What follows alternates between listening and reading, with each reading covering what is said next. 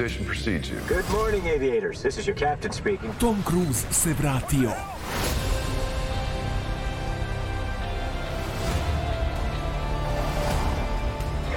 Top Gun Maverick.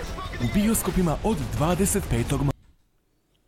Ćao svima i dobrodošli u novi Lab 76, dobrodošli u 202. izdanje i dobrodošli u Lab 76 posvećen Moto Grand Prix u srede veče 21, ne baš 00, 09, Ne zamerite, danas je uzbudljiv dan i urcanje na sve strane, ali u bojama je ne Bastianini da počnemo. Moj dragi kolega koji je u bojama Brazila, Dejan Potkonjak i ja krećemo u akciju, deki, Ćao, Lepo je vidjeti te ponovo. 24 Nismo časa dugo, kasnije. da. Da. nismo dugo. 24 časa kasnije, ali danas nam je studio okupirao Dom Pablo, koji se vratio u akciju ove večeri s obzirom na činjenicu da kad dugo nije bilo dobro veče, dragi kolega, nadam se da ste dobro. U svakom slučaju, Dom Pablo nam je tu, Vanja nam nije večeras tu, tako da Zabavit ćemo se, sigurno će nešto prestati da funkcioniše u nekom trenutku, jer uvek kada se ova kombinacija skupi, nešto se desi u studiju na kraju univerzuma, desi se kraj univerzuma. Ali nadam se da ste dobro raspoloženi, mi jesmo. Mazite se i pazite se i vodite računa. Dom Pablo, prvo odmahivanje glavom je palo večeras. Morat ću da uzmem semafor. Čing, čing, čing. Ali, mazite se i pazite se i vozite i vodite računa jedni od drugima. Budite dobri, zabavite se, gledajte Moto Grand Prix, uživajte u životu, pročitajte neku dobru knjigu, neki dobar film, Pete Mitchell se vraća u bioskop. Ej, deki, ćemo u bioskop. Uvek sam za.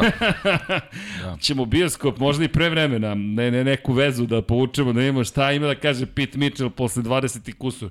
Ma ne, 30 godina. Da, bilo je simpatično kad je, kad je prvi film bio onako. Neka sećanja su već izbledela, ono, sećam se, ove, jakna mi se baš sviđala. E, i motocikl, od čega kreće prva Motocikl, scena, zna naravno, se naravno. odakle se kreće. Tako je. Motocikl je stvarno bio Pa, strano. šta kaže pazi, trailer? i, Porsche i Jeste taj svašta tu Porsche. nešto je bilo lepo. Porsche ili ko je Vidio si, vozio poslao ti Porsche? sliku danas VFR, onaj. Ja, to U, je, eno ga parkiram, to taj tu, To je u taj. Kosovskoj, Uf. video sam ga. to je taj. Ja smem da otkrivam, 750-ica, uh. od, ja smem da otkrivam snove. Šta, pa ne, ne, nema šta, pa to je, to je bio motocikl kad sam ja bio klinac tamo negde 88, recimo 9, to mi je onako bilo baš... Ali ne znam da sam ga nabavio tad ko, ko zna šta bi bilo, tako da možda je Da bolje li što nisam. bismo danas da. sedeli ovde? Da, da, da, ali kad sam ga vidio stvarno ekstra očuvan, super je, baš je dobro. Jao, imam, opet mi daješ neke ideje. Jao, zašto? Čemu, čemu, čemu ovaj život sna, s, pun snova? Zato što je zabavno. Ali da, za one koji ne znaju, jedna prelepa Honda je u pitanju, samo crne boje da su u pitanju i onda bi bio to Ne, savršeno. ne, bila je to crveno-crna kombinacija, generalno, to je, to je neka, neka reklamna kombinacija, bila sam tu u nekom katalogu video, ovaj, ova vidim skroz je crvena bila, pa je, možda, možda je tu nešto prepravljeno, možda je to ta u stvari, ali, ali generalno ovaj, ne bi se ovaj, žalio što se tiče boje bilo koje da bude. Ali to je taj motocikl. Ali to je taj motocikl za one Da, da. koji ne znaju, pa eto, raspitajte se, VFR je jedan prelep motocikl i ovaj koji smo uspeli da vidimo tu na ulicama grada Beograda, izgleda veličanstveno. Kogod da ga vozi, dama, gospodin, mi se nadamo da uživate u vožnji i danas ste nama okupirali misli, Deki je poslao fotografiju, kasnije prolazim nešto tu da kolim i kao, eno ga motocikl, Deki ga je tu video. I tako, u svakom slučaju, lep dan kada vidite lepe motocikle, a i lepi generalno bio dan, a i mi se manje topimo ove večeri, ne znam zašto smo se sinoć onoliko topili, isto mesto, isto stanje, klima i dalje uh, je na, na popravci, ali u svakom slučaju činjenica je da je danas nešto prijatnije veče, tako da se nadamo da će biti još zabavnije nego inače, ali nema nikoga od gostiju, osim svih vas, udrite like i udrite subscribe, udrite join ili sve ostale lepe stvari koje možemo da uradimo. Večeras ćemo da pričamo, mada već dobijemo prve poruke, Jasenko Samarđić javio i rekao, da li je broj 23, 40, novi 46, kako je, kako je glasilo, hrabro pitanje ili ozbiljno pitanje, jesu ozbiljno pitanje koje postavljamo, ali ljudi, to je neminovno pitanje. Odgovor se nameće sam po sebi, međutim, ima tu nekih paralela i sličnosti. Za one koji ne znaju, takođe, je u pitanju i nešto vrlo... O, Dom Pablo! Na nivou magije! Deki, je li to to? Pa to je taj. To je taj. da, da. Pa vidi kako to dobro izgleda. Pazi ti to sedište. Meni sedište je bilo savršeno. Sve je crveno. Sve je crveno. 35 godina. Nije malo, ali mnogo dobro izgleda. I dobro je očuvan motocikl. udrite like ako vam se dopada Honda VFR 750, možemo i da je nabavimo. U svakom slučaju, da, kada krećemo od toga, da li je zaista broj 23, to jest da li je zaista Enea Bastianini novi Valentino Rossi, to je broj 46, Daćemo odgovor, nadam se, na to pitanje. Međutim, pre toga, nadam se da ste ukrčili referencu, ljubitelji NBA lige, morao sam to da stavim. Kada je Nick Anderson rekao Michaelu Jordanu, well, I guess 45 is not 23. U svakom slučaju, neko je još napisao 2 puta 23, dobiješ 46, vrlo jednostavno. Inače, iz tih razloga Alex Albon nosi u Formulu 1 23, jer nije se osudio da uzme 46. Tamo nije povučen broj 46 iz Formule 1, ali niti on, niti Lando Norris nisu sudili da budu 46, a to su nosili u kartingu. Elem, treća deki pobeda. Ajmo, ajmo da kratko sumiramo vikend iza nas iz perspektive Moto Grand Prix-a. Bum! Kakva trka, spektakularna trka. Enea Bastianini, analizirat ćemo disekcija onoga što je učinio u Le Manu, brutalno izgledalo. Treća pobeda u sedam trka, zastrašujući je ove godine kada pogledaš efikasnost trka u kojima je završi, u kojima stigne do cilja ili generalno u kojima ne napravi neku veću grešku.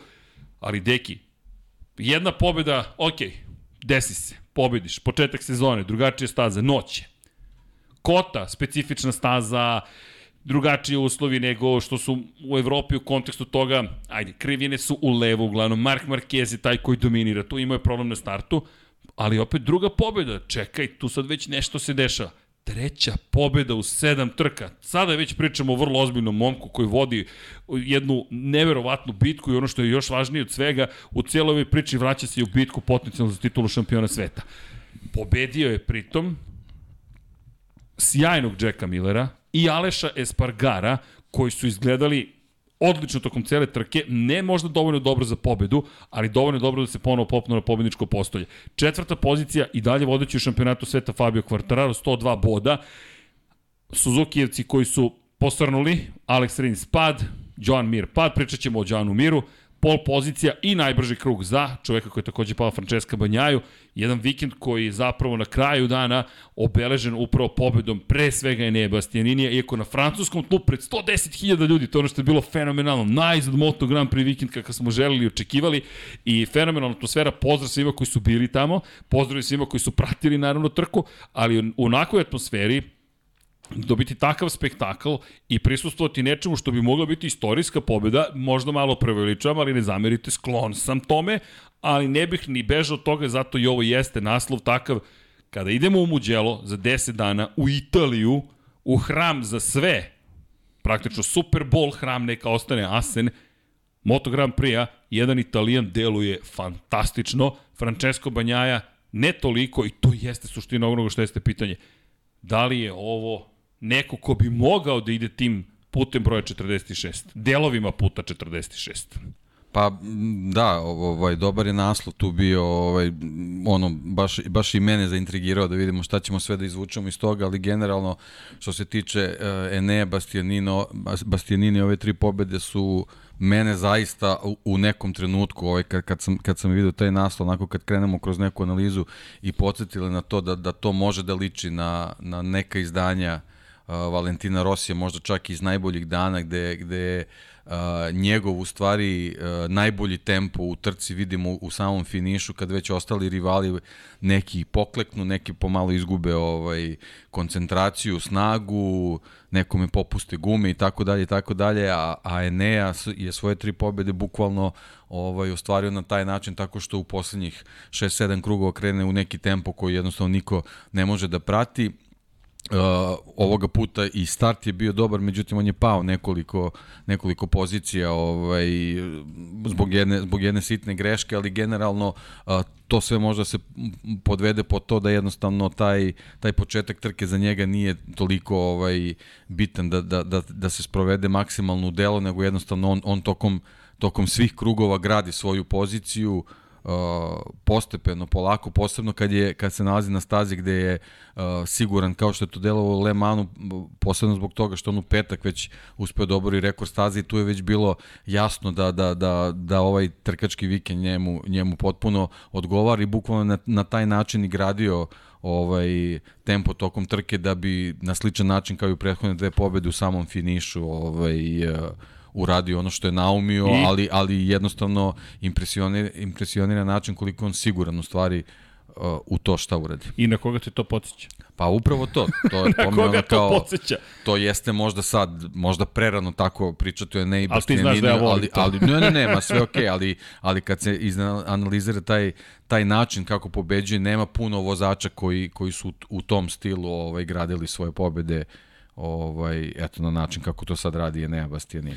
Enea je, ljudi, napravio, uradio nešto što je malo ko očekivao, ali ako smem da pohvalim vašu ekipu Lab 76, a i sport kluba i našeg dragog Dekija Potkonjaka, ko je rekao za Eneu još pre dve godine, drugari, o, ovaj momak ima nešto. Ovaj momak ima nešto, evo ja ću prstom da upirim, iako nije lepo, to ti kažem. da. Ej, neko je dao se jedan komentar, ljudi, mnogo vam hvala na tome, E, gledajući, dosta toga smo, jel te, snimili tokom mojih par godina, ali neko je rekao, neki od podcasta su postali, kako je rekao, mm, nije... Ja, dobar je termin bio, ali proročki, proročki, bukvalno, I to ne znači rekli smo sve što može da se kaže pa se nešto ostvarilo. Ne, ovo su bili zaista ozbiljni neki argumenti koje smo iznali u prilog tome šta očekujemo od određenih vozača. Ne možda baš ovo, ali Deki je već tada rekao, vidi se nešto u ovom momku. Ne, meni je ozbiljna analiza njegovog nastupa krenula posle one, one, one katastrofe na Red Bull ringu. Od tog trenutka gde se, gde se videlo koliko ga je to psihički poremetilo čita, čitava ona situacija u stvari šta je sve moglo da se desi, srećom nije.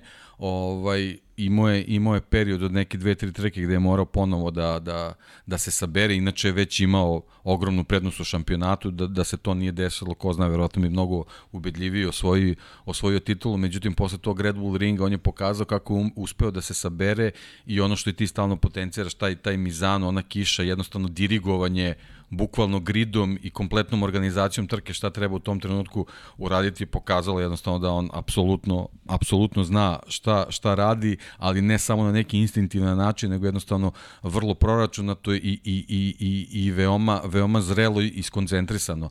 A sada vidimo i, i, sa ovim sezonama koje su kasnije došle da jednostavno on on čak nije bio ni u ekipi koja je mogla da mu ponudi sve da bude apsolutno konkurentan. Znači on on je tu sezonu stvarno onako maestral magistralno priveo kraju, bilo je onako malo malo klecavo na poslednjoj trci, ali jednostavno i to je i, i tu je pokazao da da da kad ne funkcioniše sve najbolje kako treba, to je čak da ni on nije možda u, u svom najboljem izdanju ipak ume da iznese ono ono što je potrebno da bi da bi došao do cilja. Lepo si rekao ovo što se no. tiče Ital Transa. Ti sada gledaš ljude u Ital Transu koji se muče i to ozbiljno se muče, konkretno mislim i na Joe Robertsa i na Lorenza Dalla Portu. Dalla Porta mislili smo ok, debitanska sezona, ali svetski šampion je došao te 2020. kada je titul osvojio Bastianini u Moto2 klasi. Dolazi Lorenzo Dalla Porta koji je bio fjan i u juniorski šampion sveta, bio je i na Mahindri brz, bio je očigledno šampion sa Leopard Racingom, dolazi u Ital Trans i Ital Trans ti deluje, mm, čekaj, ovo je ozbiljna jedna ekipa, ovde će se dešavati ozbiljne stvari, konačno, ma, moram da se vratim i na Matiju Pozinije, koji si to transum imao neke sjajne nastupe. I sada pogledaš Joe Robertsa, pogledaš Lorenza Dalaportu, treća sezona već Dalaportu, nema tih rezultata. Joe Roberts, da, ostvario je pobedu u da, Portugali, ali ljudi, to je izuzetak, to je splet da. neverovatnih okolnosti i lepo je što je pobedio, ali to nije ono što su rezultati te ekipe. I sad Beštija, moram, ajde da, da se. Da, kad se vratimo unazad. Da. Ajmo, kad se vratimo, šta se sve zaključi? Čekaj, da. kako on izveo uopšte ono? Da, on je malte ne, početak sezone bio kao da sedi na nekom, nekom tek 3 motociklu u, u, ekipi koja je vrhunski organizovana na način kako su to Gardner i, i Raul Fernandez radili prošle godine. A u stvari sad se vidi da, da on Ne, on je taj koji je zapravo podigao tu ekipu je, na neki je. poseban nivo. Podigao je taj motocikl, očigledno. Fantastičan, sad da. znamo koliko je tek fantastičan, da. ali da nas pohvalim, da početak sezone, to ne možemo da vam emitujemo, pošto to, to su snimci sport kluba i sa staze, ali to je, to je inače bilo mnogo simpatična scena, mi u Kataru i sad ide intervju i podelili smo vreme i trebalo je Jelena da snima pa da snimam ja. Međutim, tako se ispostavilo da kadar je toliko nezgodan da ja ne mogu da stanem praktično, da sednem na, na adekvatan način, jer izgleda smešno. Meni su kolena došla otprilike do brade. I dogovorili smo se, nema veze, Jelena, završi intervju, raditi ceo intervju, prosto logičnija je scena kompletna, i završavamo i njihov zapravo čovjek za medije, kao pa hoćeš i ti postaviti pitanja. I je nekako koji vidiš da je još, i ja kažem ne, čekaj, ovo nema nikakvog smisla. Mogu ja jedno pitanje da dobijem i da završimo mi s ovim. E ne, koliko puta ćeš da pobediš ove sezone? I sad pita me Luka, kako si znao? Lab 76, kako se znao, slušao sam Dekija. Pretplatio sam se na ovaj kanal. I bukvalno, ali, i, ali za, zašto volimo da idemo na staze? I to je nešto što pokušavam stalno da prenesem. Kada vidiš čoveka, možeš da osetiš njegovu energiju, zaista. Nije to nikakva metafizika, ti vidiš sigurnost u njegu, u njegovom stavu. Ti vidiš jednog opuštenog čoveka koji ima moćan motocikl, koji je jednoj ozbiljnoj ekipi koja je posvećena uspehu, posvećenu čoveku koji je de facto pali heroj. Fausto Gresini je inspiracija tom celom timu.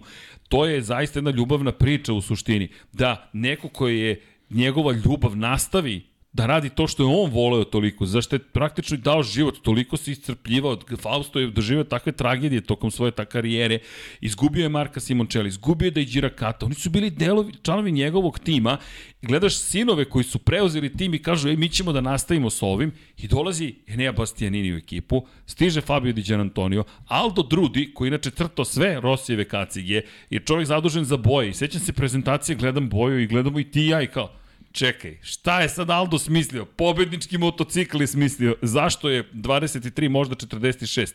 Nije tako jednostavna priča. I stil vožnje i razmišljanja. Ono što je mene oduševilo u ovoj trci, kako vidiš da on napreduje tokom trke. Tačno vidiš da on uči, aha, čekaj, sad ovde mogu ovo, a ovde bi mogao ovo. A mogu i ovde i ovo ovde. I onda na stazi na kojoj svi govore da je nemoguće preticati, u trci u kojoj je vlažnost vazduha viša nego i u subotu i u petak, u momentu kada prednja guma ponovo počinje da pravi probleme, a to nam je tema broj 2. Da li je Moto Grand Prix ono što Deki priča već dve godine, postao F1, kao što je pričao za Eneu, poslušajte Deki, dakle, da li je postao, ali ne ova nova Formula 1, nego ova malo pre, kada smo imali procesije praktično i kada smo znali mnogo toga unapred. U toj situaciji, kada se Fabio Quartararo žali, ne mogu da pretičem. Svi pričaju, ne mogu da pretičem, ne mogu da pretičem. Neko može da pretiče. Enea Bastianini je pretekao i Jacka Millera i Peka Banjaju oba vozača fabričke ekipe Ducatija. Fokus jeste na tome što je Francesco Banjaja pao posle tog preticanja i na rečima do kojih ćemo doći, ali ako uzmemo u obzir, Enene je pobedio jednog vozača fabričke ekipe. On je pobedio celu fabričku ekipu na prošlogodišnjoj verziji motocikla i zabeležio treću pobedu u sedam trka. I znaš šta ću da uradim? Jedini višestruki pobednik ove sezone. U Moto Grand Prix klasi, da. da. Jedini. Zna, ali znaš šta ću da uradim, ako mi ti dozvoliš? Kada budemo, ne ne, čekam Ajde, ne ih, čekam ih na, kada budemo na stazama. Da pitam, ja imam pitanje za vas, od mog prijatelja i kolege Dejana Potkonjaka. Da li mislite da bi šampionatu konstruktora bodovi trebalo da se daju samo za Ducati GP22? I napravit ću Lab 76 tabelu i reći ću... Hvala što da. Apsolutno, deki, izvini, ali uzmemo poene i izračunamo koliko taj motocikl GP22 ima bodova zapravo ako pogledamo, mnogo bi drugačija bila situacija nego sa GP-om 21. I to i dalje ostaje motocikl koji je najbolji trenutno na startnom poredku. Najkompletniji. Kakvu sigurnost ima neko ko je seo na taj motocikl, ma nije to, to je do, do tog momka, ono kočenje njegovo, u krivini 8, pri čemu ti vidiš da on šteluje, da će on tu da napadne, i gledaš kako on pretiče Jacka Millera i onda iznenadio me za dvojku. Ali šta je još rekao Enea? Hteo sam da unervozim Francesca Banjaju. Na koga te to još podsjeća? Ne moram ništa da govorim. Da. Ima u pozadini, piše iza tebe, ima majica. To je radio Valentino Rossi. Inače, Enea Bastianini nije član Akademije VR46. Ne, on je van Akademije. To ne znači da se ne druži sa ljudima iz Akademije. U Kataru, Inače su svi stali zajedno italijani i bili imali su bukvalno italijansku fotografiju. Nisam siguran da će baš da se slikaju u skorije vreme ponovo zajedno. I baš je bila, ajmo italijanska ekipa da se okupimo svi zajedno, svi italijani u Moto Grand Prix klasi. Većinom su dedini, jel te, naslednici Valentina Rosija iz Akademije VR46. Enea nije u tom filmu. Moje tumačenje stvari, samo je moje tumačenje, Enea hoće svoju priču. Ako ste u VR46 Akademiji, uvek će neko biti iznad vas. Pa makar on bio Valentino Rossi, neko je iznad vas. Uvek će biti podvučeno žuti. Tako je. Oho, za one koji ne znaju, besplatna reklama za Alesninu. ha, ni Dom Pavlo ne zna o čemu pričamo. ja, vreme za penziju. Vreme za penziju, da. jao, zašto smo mi ovde neki? Jao, da. jao, jao. Dobro. Za one koji ne znaju, Lesnina, slovenački proizvođač drv, pro- proizvod Drvne građe, drveta, da. drvne građe. U stvari da, proizvod od A drveta. Tom Pavlo kao, znam. To sad googlao si, ja. šalimo se, šalimo se samo, ali, ali bilo, je, bilo je simpatično. Da, ele ne, ja sam potpuno oduševljen i nemam, pogotovo što se uživo tokom trke videlo šta čovek sprema. Sve, za dvojku me iznenadio, jer je pustio malo ranije gas, ali imam osjećaj kao da je hteo da izbegne nešto što se desilo Aleksu Rinsu. I kao da nije hteo da upadne u zamku kada je reč o zavetreni i, ko, i, i zapravo tom usisavanju praktično prednjeg kraja b, motocikla Alex Rins. Ajmo da ga pohvalimo. Special shout out za Alex Rins. Drugi put u njegovoj karijeri on spašava ljudske živote. Time što sam pada, produžio mu je Suzuki pravo kroz krivinu broj 2, Inače, ukoliko ste pratili, ja se nadam da jeste Lab 76 pre nedelju dana, Deki i ja smo vam demonstrirali kako će trka da izgleda zapravo. Svi naši silasti sa staze su bili pokazatelji onoga što dolazi. Jesmo izleteli u krivini 2? Jesmo. Jesmo izleteli u krivini 14? Jesmo. U sedmoj? Jesmo. U osmoj? Jesmo. U desetoj? Jesmo. Molim lepo. Tako je. Ispunili smo kvotu padova za kvotu Ali za evo, ponovo se videlo, Da. zaista puno padova je bilo. Mnogo. Je petak, subota, nedelja, ovo, jednostavno staza koja i, i tokom treninga kad se, kad se ispipavaju te, te granice stvarno ne prašta ni najmanju grešku i, i, i zaista voziti na takvoj stazi jednu trku sa, sa jako malo ovaj, pogreški je stvarno ovaj, velika stvar. A to što si rekao za Rinsa, apsolutno, ovaj, znači na stranu uh, učinci vozača, to je njihovi rezultati, on je po meni, eto, ponovo zvezda dana zbog jedne zbog jednog gesta, eto, koji je ponovo njega mogao, mogao skupo da košta srećem ovoga puta nije tako bilo, ali meni je stvarno fascinantno ovaj, kad, sam, kad sam pročitao te izjave, kad, kad, kad, ti, kad ti je čovek koji, koji je toliko već iskustva ima u, u, u, u perjanici motociklizma, mot, motosporta, u, u toj Moto Grand Prix klasi gde, gde čovek kaže da od, od turbulencije motocikla ispred nije, nije uspeo da, da, da skrene, meni je to stvarno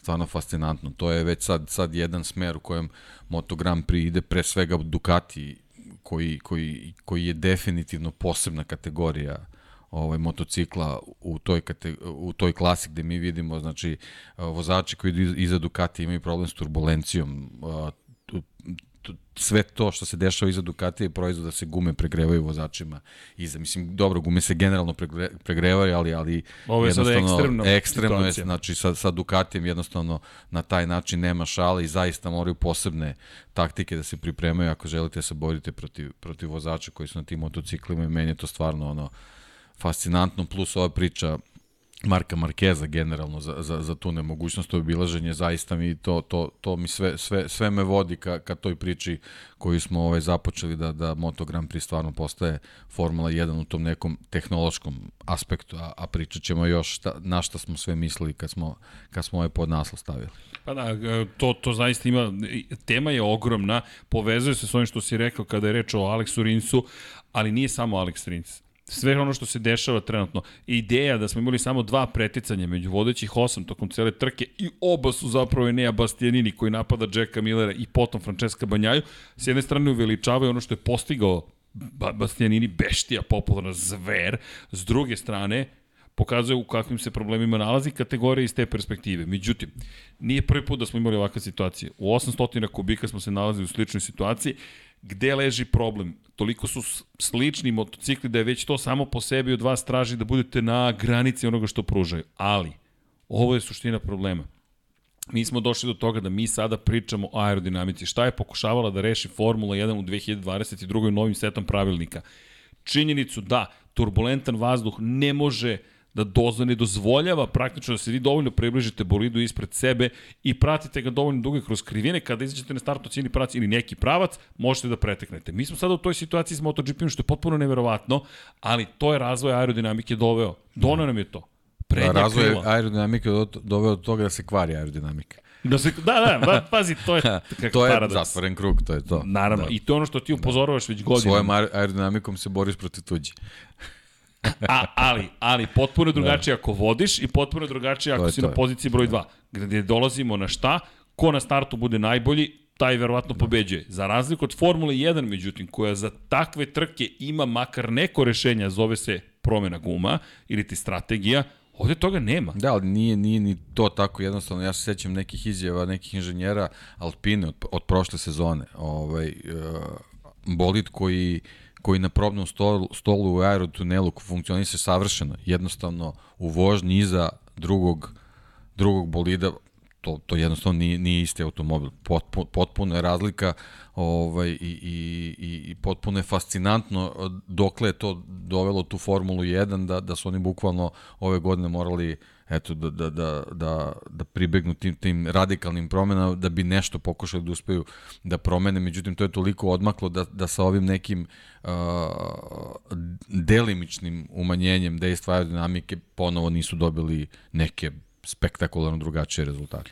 Mi smo došli do toga da zapravo da ako, aj, hajde, ako pričamo ponovo o aerodinamici, vrtimo se u krug de facto. Mi se zapravo suštinski vrtimo u krug i šta god da uradimo, mi ostajemo na istom nivou na kojem smo bili. Da nema DRS-a, a u motociklizmu nema DRS-a. Čak i kada su izmislili DRS, imate automatski DRS. Možda da zabrane onom koji je ispred da koristi spuštanje zadnjeg kraja.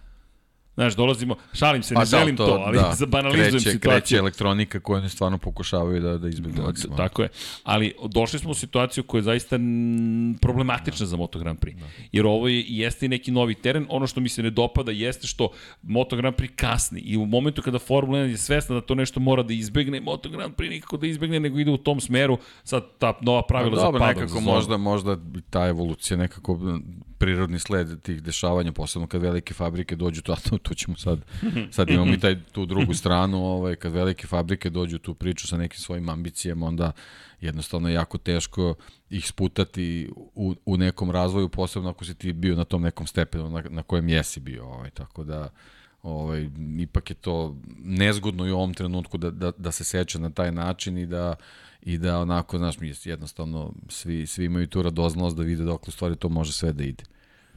Tako da, eto, mislim, to pred nama je taj neki uzbudljiv period da što, se, što se toga tiče, opet sa druge strane, evo vidimo, postoje proizvođači koji više ne mogu da izdrže taj tempo i jednostavno ovaj, odustaju od čitave priče. Pa da, konkretno Suzuki koji je potvrdio još jednom da jednostavno izlazi iz cijele priče bukvalno izlazi iz cijele priče to sada više nema nikakve sumnje. Dakle, mi smo pričali o tome šta će biti, kako će biti. Suzuki samo potvrdio da trenutno pregovara sa Dornom o tome koliko će na kraju dana zapravo da plati jer to je sve što se, o čemu se trenutno, ne samo to, ali o tome se uglavnom priča, da li će biti neke druge ekipe, pa čak i da bude, da li će mi zaista dobiti nešto što može da se poredi sa fabričkom ekipom Suzuki. Još jedan Hayate, ljudi dosta pričaju o tome, jao, treba nam još jedan Hayate. Stvarno, treba nam još jedan Hayate. Pa šta ćemo s tim Hayateom da radimo? Šta je Hayate mogao? Prvih 5-6 trka i to je to. Mada, zanimljivo to kada smo pitali Bastianinija koliko puta ćeš da pobediš, on je lepo prognozirao. Vidjet ćemo prvih 5-6 trka. E sad ovo je sedma već trka bila, osma nam dolazi da stižemo u djelo, prva trećina sezone je završena. Da vidimo da li će neki napredak da se desi sa ostalim motociklima. Ja iskreno to ne vidim i mislim da je u sve većoj meri ovo u rukama vozača. Test u Herezu je prošao. Mislim da je to veoma značajna napomena. Test prvi, se, sezonski test je završen i nismo videli pomak koji je trebalo da se desi. E, vraćam se ka Enei Bastianiniju, Beštija i ta cela priča da li je 23. Naravno, ljudi, da ne možemo da ga poredimo jedan na jedan sa Valentinom Ma ne, Rossi. naravno, to je... Malo je i ne zamerite, Malo, da. novinarski da. naslov, ali morao sam, ja, to je meni bilo jače, čekaj, kad ti se ukaže prilika da možeš da parafraziraš Nika Andersona i njegovu izjavu protiv Chicago Bullsa dok, i, dok su igrali Orlando Magic sa Horaceom Grantom protiv Jordana koji se tek vratio za one koji ne znaju posle pauze od godinu i po nosio je broj 45 to je broj koji je Jordan nosio, nosio Michael legendarni Jordan kao klinac i nosio 45, nije hteo da se vrati odmah u 23. Njegov otac nije više živ, nikad ga nije video sa, 4, sa 23. ga uvek gledao. Ali iskreno, ja, bi, ja bih više volao da bude 33 kao Alonso Morning, da bude zlizo, to mu, to mu više pristaje. Više da. mu pristaje. Da, on je prinudno nosi 23, to je, to je Jeste, bitna stvar. Bitna da. stvar. Brad Binder je taj koji nosi 33, da. ali vidi, I Jordan je dobio 23. Tako da, vidi, dobio si broj i ti si ga pretvorio u nešto sasvim drugo. I sad ti si dobro što je meni simpatično što oni svi nose Air Jordan, to je Jordan zapravo trake za kosu i između ostalog to nosi Enea Bastianini. Ali Nick Anderson koji je rekao kada su pobedili u Orlando Magic, kada su dobili, Jordan Jenčić se spromašivao na toj utakmici ozbiljno i I guess 45 is not 23. I Horace Grant koji se u poslednjem plesu hvata za glavu. Zašto si to rekao? I onda dolazi utakmica sa, ne znam, 53 poena, tako nešto. Ili ti potpuno osveta i Jordan koji kaže, nije bio prirodan broj 45. Pa je ne i 23 deki, dosta je prirodan broj, mogu ti reći. Ali eto, vidjet ćemo. Ja kažem, oduševljen sam ne zato što je samo pobedio, već ovo sve što je deki objasnio. Analiza situacije u trci priprema napada na jednim vozačem, priprema napada na drugim vozačem. Ideja da on već razmišlja o tome da unervozi Francesca Banjaju, da on prepoznaje slabost van staze Francesca Banjaje. Ne u tom momentu na pisti, već slabost koja je rezultat analize svojih protivnika, jer ovo je jedan, jedan na jedan, jedan protiv svih, kao što je Kvartararo jedan protiv svih, Banjaje jedan protiv svih, Enea Bastianini ide nekoga da unervozi i Peko Banjaj koji pravi nekarakteristične greške koje sada već postoju zapravo karakteristične. Zašto nisam očekivao da će Banjaje da pogreši? Kada vodi van Italije, uglavnom se to završi dosta dobro za Peka Banjaju ali mislim da, da sam pocenio dve situacije u trenutku. Jedna je, a o tome smo pričali, da očekujemo, makar sam ja očekivao, ne znam da li smo, se, da li smo imali konsenzus, mislim da jesmo, da će pogrešiti onoga momenta kada bude se dovoljno približio Fabio Quartararu i da će ponovo da popusti jer će pritisak da poraste. To je bila moja ideja. U tom momentu on ima 25 poena, Quartararo je peti, iako je Fabio završio na četvrtom mestu, završio je posle pada Peka Banjaje. Dakle, 14 dodatnih poena će nadoknaditi, sa 33 razlika pada na 19, Peko već tu ima neki pritisak, ali šta sam zaboravio, iako smo u Francuskoj, dobio je delić Italije ispred sebe. Tebe pretiče Italijan na motociklu. E, to ću isto da pitam. Ja, deki, to ću sad u muđelu da ih pitam fizički ovaj motocikl, ko je vozio prošle godine? Ko je vozio ova dva modela ovde? Bukvalno, recite mi čije. Primjerka. Primjerka, ova dva primjerka, ne modela, upravo da. si. Ko je ova dva primjerka vozio? Ako bude Peko Banjaja, tvoj motocikl od prošle godine te pretiče, a ti si pričao o tome da si s tim motociklom imao simbiozu praktično, da si kao, ne znam, došao do stadijuma, ha, koga bismo mogli da upotrebimo? Ajmo, Venom, Evo Venom, da, dakle da. Venom, spojili su se i to je jedan entitet i sad te taj neko pretiče još u tim provokativnim rozikasto, ljubičasto I sa tom kacigom koja liči sa na Venoma. e da, liči na Venoma, bravo, pa zver je u pitanju. I on te pretiče i ti ispred sebe imaš crvenu boju i pravične. A pri čemu Peko, koji mislim da se, mislim da se videla doza arogancije, on u momentu kada je u 30. krivini, on baca, on gleda tačno skreće glavu i gledao sam sve ostale vozače, niko nije napravio taj potez i gubi kontrolu od prednjeg kraja. I rekao je, moja greška, ali kakav udarac za Peka. I sada, ne samo što nisi smanjio razliku odnosu na Fabija, ne samo što te porazio neko, ne samo što ti je pride rekao u nervoziću ga, već si došao do toga da si ispoji iz igre za titulu šampiona sveta ponovo. I sada ćeš ponovo vjerojatno morati da se vraćaš u igru, iako je Peko rekao želim osvetu u Muđelu.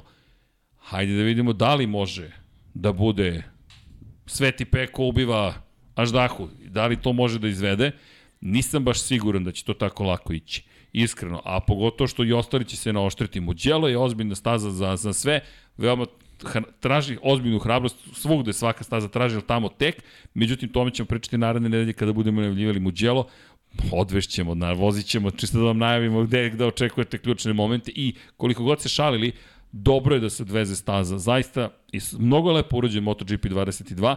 Ima tu stvari koje, dok mi ovladamo njima, ali dobro je urađena igrica. U svakom slučaju, Peko pada i Jack Miller odjednom postaje čovek koji donosi poene fabrici Ducatija. Druga pozicija i meni ono što je najviše obradovalo, načine koje je pristupio publici. Ono je meni bio pravi MotoGP show Stani, pozdravi ih, stani, pozdravi ih, stani, po... ne mogu da spaljujem gumu, ali malo da čuju motocikl, stao je pored publike, nisu to australijanci, to je većinom publika iz Francuske, skinuo je čizme, inače došao na konferenciju za medije bez rukavica, bez čizama, meni je to fenomen, mada čizme oni su po, posle pili, moguće da nije tu skinuo čizme već kasnije, da ih nije bacao, i onda šuji, Inače, ne znam da ste primetili, pitali su, Peka, pitali su Bastianinija na konferenciji za medije kakav je ukus proseka iz Jackove čizme. Ne znam, pio sam iz svoje. da čisto da se napomene, ali to je bilo isto lepo videti trojicu veoma raspoloženih ljudi i Jack Miller, mm. samo to je suština, Šta sta s Jackom Millerom? Donosi ti poene, završava trke. Najbolji, drugi najbolji Ducati je vozač. Pa da, Jack Miller se nekako i po tim, po tim reakcijama pokazuje da se onako na neki način stabilizovao, kao da se suočio sa tom nekom situacijom, ali u toj čitoj priči sve to što si dodao, meni, je- meni je onaj uh, moment i čitava ta, ta ovaj, uh, reakcija koju ima u odnosu na, na Bastianini, onako sjajna, oni su stali jedan do drugog i, i, i, i onaj, onaj uh, Jackov gest kao da skida šešir ispred peka, je meni To, to, to, to. fenomenalno posebno u trenutku da već ozbiljan broj ljudi u padovku Moto Grand Prix počinje da se pita da li je Enea taj koji će zameniti Jacka i da on u tom trenutku onako stvarno šmekerski reaguje je fenomenalno, a, a vidimo i neke kasne izjave, to je čitamo gde, gde postoji ono kao neka pitanje između redova da li je Nea taj koji će tebe da zameni, on kaže potpuno ima smisla. Meni je to onako fascinantno, tako da mi je nevezano za, za, za te rezultate, a, a Jack ima i super rezultat u Moto Grand Prix, meni su, ono, to smo već pričali, zvezde dana, Alex Rins i, Jack Miller, zbog tog svog sportskog ponašanja pre svega. Da, Alex Rins. Znači ne, ne ulazimo, ponovo- da. A, znaš kako, ova, Human. ova trka, ali ova trka je generalno nekako ovaj, a, bila priča tih nekih iskrenih izjava. Znaš, ili imamo i Aleša Espargara koji meni onako u svom je fazonu pomalo me nasmejao, sa druge strane ono da li je moguće da ti ponovo ulaziš u, te verbalne probleme, sam sebi zatvaraš neka vrata koja, koja ne bi baš trebao, ali generalno kažem, zvuči mi onako kao neka trka koja je, koja je probudila tu neku iskrenu emociju kod svih vozača da su onako baš, baš reagovali onako uh, na osnovu čega možemo u stvari da, da zaključimo kakva je ta trka bila. Ali meni je, apropo Aleša Espargara, treća pozicija, deki, tri treće pozicije za redom. Ovo je prvi put u istoriji Aprilije da ima vozača u Moto Grand Prix, Moto Grand Prix, u Moto Grand Prix klasi, u Moto Grand Prix Aprilija klasi, u Moto Grand Prix klasi koji završava na pobedničkom postolju. Predivno. Ljudi, to je prero... Hvala. Dom, pa, opa, spremni smo. Da, inače, ko nas je potražio na prvom linku, šta smo vam najavili za večeras? Negde ćemo sigurno da napravimo haos, jer ekipa je tu ponovo, ali dobro. Sve to, sve to deo zabave. Inače, pogled na vremena Aleša Espargara. Inače, obratite pažnju na grafikon. Vratit ćemo se mi na vremena pobednika i na drugoplasiranog. Bilo je tu uspona padova, ne prevelikih, ali u suštini Moto Grand Prix je došao do jednog besmislenog nivoa, gde ti u dve desetinke pakuješ krugove svih vodećih. Dakle, od 1.31.9 kao najbržeg kruga, na primjer u kruga broj 7, imaš 32.3, 2.4, 2.3, 2.2, 2.3, pa onda si malo spori 2.5. Pazi, pazi ti taj skok, kad je tebi na, na, na, na grafikonu skok, Zato što si spori dve desetinke u jednom krugu, pa onda 2, 3, 2, 1, 2, 1, 2, 2, 2, 2, 2, 4, 2, 2, 2, 6, zamislim dramu, vozio si 2, 6, pa 2, 3, 2, 4, 2, 0, ubrzo si se 2, 2, 2, 7, 2, 5, a 2, 7 izgleda kao da si spor. Zastrašujući nivo, i pre toga krugovi, 32, 2, 32, 3, 32, 1, 32, 1. Znaš, deki, ovo više nema nikakvog smisla prikazivati, mi moramo Da, da, da, da. da mi dolazimo do toga da uzmeš Kao ovako- da su prinuđeni da tako voze. Bukvalno. To je ono što si pričao sad i o razvoju tehnologije, izjednačenosti i tako dalje. Samo da pohvalimo način na koji je vozio Aleš Espargaro. I ta treća pozicija za pazi, u poslednjih pet trka, taj čovjek je jednom pobedio, tri puta bio treći, imao je kik samo u Americi, ali tu i rekao, ljudi, ova staza je za nas najgora moguća staza. Malo smo to, ja sam bio malo skeptičan, a, pobjeda pa 11. da li prisustvujemo onom gore dole? Ne. I najsmešnije od svega, ne, Alešove izjave su, rekao bih, segment za sebe. Ovo treba da se zove Alešove izjave. Prva izjava. Aleš, šta se događa? Ne znam. Čekaj, dakle, izjava je ne znam. Ne znam šta se događa. Ja sam ceo život čekao ovaj motocikl, molio sam da mi daju ovakav motocikl i oni su mi dali ovaj motocikl. Ja ne znam, ja sad, samo hoću da uživam u ovom trenutku i uopšte ne govori ja sam spektakularan, vozim ja to, ne znam šta se događa. Ne, ne znam šta se događa. To je, to je što je i to je fenomenalno čuti. Zatim, izjava broj 2 pobuna što su Romana Fenati otpustili na način koji su ga otpustili u speed upu, bez obzira što su doveli, doveli Alonsa Lopeza kao mega talentovanog vozača, Aleško je rekao, izvinite, ali ekipa, ako ja hoću da, ako vozač hoće da promeni ekipu, on ne može, on je zaglavljen u ekipi do kraja godine. Ali ekipa da promeni vozača, to je instant, bez reprikusija. I to je već četvrti vozač s kojim to radi speed up. Aleš, ne bi me čudilo da ga postave za čoveka koji će osnovati zapravo, a pazi, to je ozbiljan politički sukob u koji bi potencijalno ušao svaki vozač koji to hoće da pokrene, on je već to po, počeo da pokreće, to je udruženje vozača moto, u motociklizmu, u svetskom šampionatu u motociklizmu. Nešto što u Formuli 1 postoji, udruženje vozača Formula 1, Grand Prix vozača. Zamislite sada sledeću situaciju, čisto da podsjetimo, IRTA, International Racing Teams Association, udruženje trkačkih timova međunarodnih, timova, udruženje timova. MSMA, Manufacturer Sports Manufacturer Association. Dakle, imamo udruženje proizvođača motocikala, imamo FIM, to jest Međunarodnu motociklističku federaciju, i imamo Dornu kao vlasnicu komercijalnih prava. Gde su vozači u celoj priči? Koje je njihovo udruženje? Ne postoji. I Aleš Espargaro koji je rekao, ljudi, to je već neprihvatljivo. Pa i sad Aleša, pored svega ovoga što radi na stazi, on bije neku bitku. Onda, izjava broj 4. Želim da pohvalim Aleksa Rinsa. Zato što sam ja video da je Alex Rins oborio svoj motocikl kako nikoga ne bi povredio. Ej, ti si taj koji vozi za Aprilu, ti spomenješ Suzuki-evog vozača i kažeš hvala Aleksu Rinsu za ono što je uradio svaka, svaka čast. Ja ne znam, Aleš, ja, ja, ja ne znam, to je neki bromance koji ja osjećam, ali on je divan. Dakle, i brz, ono što je Rossi često govorio, ne možeš da se ponašaš ko pajac i da budeš spor, onda si samo pajac. Ali ako pobeđuješ i ponašaš se tako, e, onda je to show. Aleš Espargaro je pravi show u ovom trenutku, pri čemu njegove izjave pažljivo poslušajte, vredi i Aleš koji pride izjava broj 5, čisto da zaokružimo ovaj segment, uslovno rečeno, kaže, kakva je situacija u pregovorima sa Aprilijom? Ne znam, ne razumem ništa. Nismo još potpisali ugovor, čovjek nema ugovor deki za 2023. Svakako da želi više para.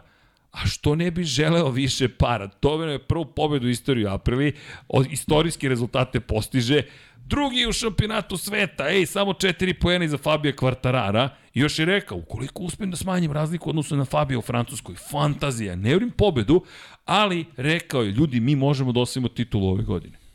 Ja ne znam, ali čista petica, eto. Pa dobro, da, mislim, možemo da osvojimo titul, on se jako sigurno osjeća na tom motociklu i generalna pozicija u šampionatu i način kako se odvija čitavo prvenstvo naravno može može da bude ovaj e, dobra računica i, i glupo bi bilo da uopšte ne, nešto ne izjavi e, na taj način. I sad kažem meni je meni je jako simpatično što je rekao da jednostavno da bi bila bio najgluplji potez u istoriji motociklizma da ne ne produže ugovor sa njim posebno, posebno na način kako je on u stvari postavio tu čitavu priču, to je dao ponudu, navodno ovaj, bukvalno je ono dao neku minimalnu cenu svoju koju, koju može da da, ali jednostavno to je to je motociklizam, tu su čelnici ekipa, tu je tu su neki upravni odbori, svašta tu može može čudno da se desi. Sad da li, da li treba zadržati Aleša Espargara, to je sad neka tema, mislim stvarno da ta priča može mnogo, mnogo dugo da traje, mislim on ipak vozač u godinama i to što se dešava maja 2022. godine apsolutno ne mora znači da će on biti sposoban da radi u maju naravno, 2023. pošto nikad nije bio u toj situaciji, mi smo bili i znamo šta znači biologija kad krene da deluje i tako dalje i tako dalje, ali uh, mislim da to stvarno u ovom slučaju ne bi trebao da bude razlog, nego a, mislim da, da zaista to trebaju, pošto je Aprilija i dalje u toj fazi, mislim, ovo je samo moje mišljenje, Naravno. jednostavno treba da bude nagrada za Aleša Spragara da, da dobije još jednu Tako sezonu, da, da mu Tako poklone još jednu sezonu. Da mu poklone. Zbog svih sezona, jer on je bio u aprilu u trenutku kad niko nije hteo da dođe u apriliju. Deki, ti si... Eto, to je, to je, to je neko moje mišljenje, ali to moje mišljenje nema veze sa, sa ljudima koji vode biznis, mislim, tako da... Ajmo ovako, eto. ti si divni romantik. Pa dobro. Jes, jes, jes, jes, jes, koliko god, ali ovo je sad romantika što si ispričao. Da. Ali, ajmo biznis. Zamisli kako se ti osjećaš kao neko ko treba da dođe u tu Apriliju, kao neki vozač sa strane, ili mehaničar koji gleda čoveka koji je došao, sećam se kada još Andreja Janone vozio tu Apriliju. Romana Albesijana, kako je ispod kartera motoci, motora, tehnički direktor Aprilije i u tom momentu menadžer cele ekipe, leži i prazni karter motora sa unutrašnjim sagorevanjem. Kako Aprilia izgleda kao polu raspala garaža ekipe koja ne zna šta hoće od Moto Grand Prix klase. Tri godine kasnije, tri godine kasnije, oni su drugi u šampionatu sveta sa Alešom Espargarom. E sad zamisli mehaničara koji je u tom trenutku bio u Apriliji i gleda kako ne da niko neće da dođe, nego je None koji je izgnanik iz Suzuki i Ducatija je jedini koji spašava karijeru i Aleš Espargaro koji je rekao Suzuki, pazi stav, neću da budem tu sa vama, zato što ste dali nekome drugome titulu vozača broj 1 u ugovoru, inače Andrej Janone, kakva ironija, koji je potom došao u Apriliju, Aleš nije otišao iz Aprilije i rekao, nije to lično, samo je ekipa dala nešto nekome drugome. On ostaje u toj ekipi, nastavlja da se bori, U tom momentu oni kažu, ajmo nešto da promenimo. Angažuju Masima Rivolu za izvršnog direktora. Shvataju da je problem u tome što ne može tvoj tehnički direktor da bude istovremeni menadžer ekipe. Ne može svakako da obavlja obe funkcije. Možda bi mogao, poput pa sve bolje, ajde da kažemo, Matije Binota u Ferrariju, kao neko ko je bio čovjek iz tehnike da pređe u deo koji se bavi ljudima. Ali ne, oni dovode Massimo Rivola. I Massimo Rivola nagovara Aleša Spargara, aj ostani još neko vreme. Aj ostani još neko vreme. I Aleš koji kaže važi. Aleš koji kaže angažujte Maverika Vinjalesa. Zgrabite vozača koji je potencijalno toliko brz i dobar, znam ga i Suzuki. Mislim da je pogrešio, mislim da bi bilo bolje da su Andreju Dovicioza doveli, ali okej, okay, to je samo neko moje mišljenje. I sad, taj čovek, kada ti donese prvo pobedu u istoriji, polu poziciju ti donese, po, tri treća mesta za redom, drugi u šampionatu sveta, pozitivna energija oko Aleša, ima neko nešto loše da kaže za Aleša. Publika je Da, i sad ulazite kao u neke pregovore. Ulaziš u pregovor. Da, bespotrebno. I ja te gledam, Bolje da se, da se organizuju, da, da usmere energiju na nešto drugo. koji mi je moral? Da. Šta sad gledam, pa šta će sad da bude? Pa ko, šta će da mi dovedete nekog drugog? Da. Šta će mi, Vinjales će da nas predvodi sa 12. pozicije. Uz dužno poštovanje, ne može da predvodi. Ne, ne može. Koga ćemo da dovedemo? Ili imamo neko rešenje? Šta, Andreja Janona, čekamo da mu prođe kazna za doping pa će da se vrati u ekipu. Koje vam je rešenje? Ja samo gledam iz poslovne perspektive. Čime ti pokazuješ svojim ljudima unutar kompanije da ti je stalo zaista do, jer svi u korporativnom svetu gore, to važni su ljudi. Ok, ako su važni ljudi, šta ćete da uradite za tog čoveka? Ne moraju svi da vam budu Da, važni. pa eto, bukvalno u ovom mora. trenutku mogu, mogu fantasy da odigraju jedan, da, da ostave Aleša, o, da ostave Aleša po nekoj ceni koju on ponudio, navodno vrlo pristojna i, i, i prilično niska za, za uslove koji trenutno vladaju na tržištu Moto Grand Prix i onda za ostatak novca, pošto Maverick Vinales sigurno nije jeftin, Nije. da uklope Joana Mira ili Alexa Rinsa. Eto, to, to bi bilo neko moje rešenje. I to ti to. u ovom trenutku zbog čitave one druge priče sa Mirom, Rins je ovaj, ver, verovatno bi bilo, bio sasvim ok rešenje. Sad dobro, to je sad pitanje odnosa njih dvojici i tako dalje, da li se to sad sve uklapa, kakva je tu sinergija i tako dalje, ali eto, na primjer, to, to bi neka, neka priča mogla da bude, znači pre svega, ako, ako već trebaju da razmišljaju o, o kadrovima, ja sam pre da, da to drugo sedište, da se tu više fokusiraju šta im je vozač za budućnost nego da, da vode brigu o Alešu koji jednostavno živi, živi svoje snove i snove Aprili u ovom trenutku. Bukvalno živi čovjek svoje snove. I izgleda sjajno. Da. Izgleda sjajno, ej, na pobedničkom postolju. Ponovo. Fantastično. Pri tom imaš drugog vozača koji je dalje u, u nekom starom proseku Aprilija, to nazovemo tako da, da ne ulazimo u, u druge, Pa evo, u druge 12. termine i da ne pričamo mnogo o tome. Samo kažem, 12. Ajde. 16. 7. 10. 10. 14. 10. Eto, okej. To je to. U bodovima. U bodovima. 13. pozicija u šampionatu sveta. To bi recimo pre dve godine, ali Aprilija je bila presrećna sa, sa toliko bodova. To, redovno smo među vodećih 10. Tako je, tako je. A ti sad imaš čoveka koji je drugi u šampionatu sveta, koji ima pol poziciju, najbrži krug u trci, koji je u poslednjih pet, evo, bitka za titulu. Bitka za titulu. Mi govorimo o Alešu Espargaru. Dakle, mi imamo Fabija Kvartarara na poziciji broj 1. Koliko je njegova linija konstantnija od drugih. Ha, reci samo od cepa, kam po sredini. To je taj ime, srednja vrednost. Aleš Putanja Espargar. metka, vidiš. To, to, to, to. E da, da. nije baš ugao 45 Nije, ali, ali da. dobar je. Da, da, da. Balistika mu je odlična. A vidi, vidi, molim te, beštiju, gore dole, gore dole. E, to Pa nismo to je, izanalizirali. to je, da, to je da, najveće da. pitanje. Ajde sada, Da. ajmo da završimo sa Alešom, doći ćemo na Fabio da. Kvartarara, ali ajde Enea Bastianini. Sve lepo smo ispričali. Gde su mane? Pa da. Mana je što ide prvi, pa bude 11. pa bude 10. pa bude prvi, pa odustane, pa bude 8. pa bude prvi. To znači da posle pobede slede dve loše trke, pa onda dođemo do toga da imamo dobru trku. Da. Pa da, to je generalno problem i sad, sad ako dolazimo u tu neku, neku priču i analizu 23, 46, uh, nije za poređenje, ali eto, mislim, treba, treba ovaj, spomenuti i tu priču. Mislim, Enea Bastianini je generalno imao uh, tu svoju prvu sezonu koja je bila sezona ovaj uh, upoznavanja sa sa Moto Grand Prix sa sa čitavom tom situacijom imao je tu Avintija ekipu oko sebe koja koja mu je zaista pomogla da da da napreduje maksimalno koliko može i sad je došao eto u svoju drugu sezonu gde gde je uspeo da zabeleži već tri pobede ako ga poredimo sa Valentinom Rosijem a to je stvarno ovaj prilično, prilično teško ovaj, da, da pravimo poređenje, nego jednostavno samo, samo navodimo, navodimo te situacije. Valentino Rossi u svojoj drugoj sezoni imao 11 pobeda i mislim da samo nekoliko puta, možda dva, tri puta nije, nije bio, bio na podijumu, stvarno je bio ubedljiv u toj godini. E sad,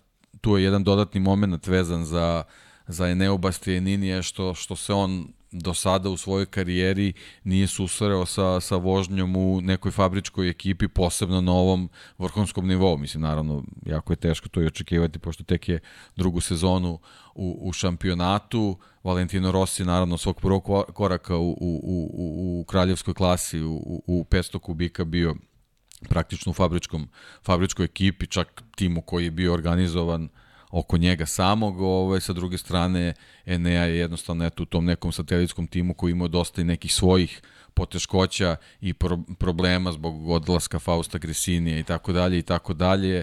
Zajedno su uspeli to sad sve, sve da, da prebrode i u stvari uh, uh, veliki i ogroman ispit za, za Eneo Bastianinija je u nekom prestojećem periodu. U kratkoročnom periodu dolazi, dolazi trka u Italiji, gde u sve, sve te momke iz Italije, mi ćemo sad u stvari videti koga će publika izabrati da bude predvodnik čitave priče, a druga stvar je eto, u nekoj budućnosti možda već sledeće godine da vidimo kako će se Enea Bastianini sa svojim stilom i svojim načinom eventualno snaći u pravoj fabričkoj ekipi. Znači, to su neke dve stvari koje, koje su pred Eneom i obe donose određene vrste pritisaka, pošto se radi u Italiji, određene vrste velikog pritiska. Da, Tako da to su stvari koje to su stvari koje tek trebaju da da uslede da bismo mogli njega da da analiziramo na taj način.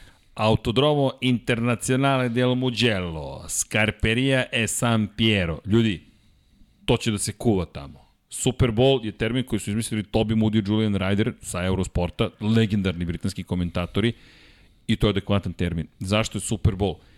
Tamo su svi. Tamo se sve dešava, tamo su sponzori, italijanski i španski sponzori su ključ opstanka šampionata sveta. Koliko god pričali o šampionatu sveta, azijski sponzori su i dalje delić priče. Evropa je ta koja, koja drži celu priču na okupu, Francuska je sada postala mega važno tržište. 110.000 ljudi u Le Manu potvrđuje da tamo postoji ozbiljno interesovanje. Drugari koji su nam bili u Le Manu su rekli, ljudi, kvartarare poput Boga da. trenutno tamo. Pa jako su važni oni, oni kadrovi iz, iz vazduha gde se vide oni parkinzi sa motociklima. Jeste. Ti dvotočkaši trebaju da se kupe i neko treba se opredeli za neku marku. I Nije opet... to naj, najvažnija stvar, ali očigledno da vozači imaju dobar udeo u tome za koga će se neko opredeliti a, prilikom kupovine motocikla. A trenutno je vakum. Vakum da. koji ostavi iza Valentina Rosija, koji je duhom nekako prisutan, ali vakum postoji. I da, ponekad je možda i sintetička ta potraga za nekim koji je nezamenjiv. Svaki od njih je čovek za sebe, priča za sebe, ali tu sada postoji ozbiljan vakum. Pri čemu Francuska je izronila u ključnom momentu, jer je novo tržište. Španija ima svoje heroje, Italijani traže svog novog heroja, pa evo, to je to što si rekao, ko, gde, šta, da, kako, znači, i Britanci. Mislim da to nije stvar da, da, da kao recimo Valentino Rossi nekim svojim ličnim marketingom to uradiš, mislim da će u ovom trenutku publika odlučiti to je to. ko je taj. To je to. Moramo da slušamo italijansku publiku u principu. O, jedva čekam, da. da. jedva čekam da čujem i da vidim šta će da, šta će da se dešava. I opet ona čuvena priča o biznisu. Gresini tim nije bio spreman na ovo ljudi, oni, apsolutno, oni nisu apsolutno, bili spremni apsolutno. na ovo.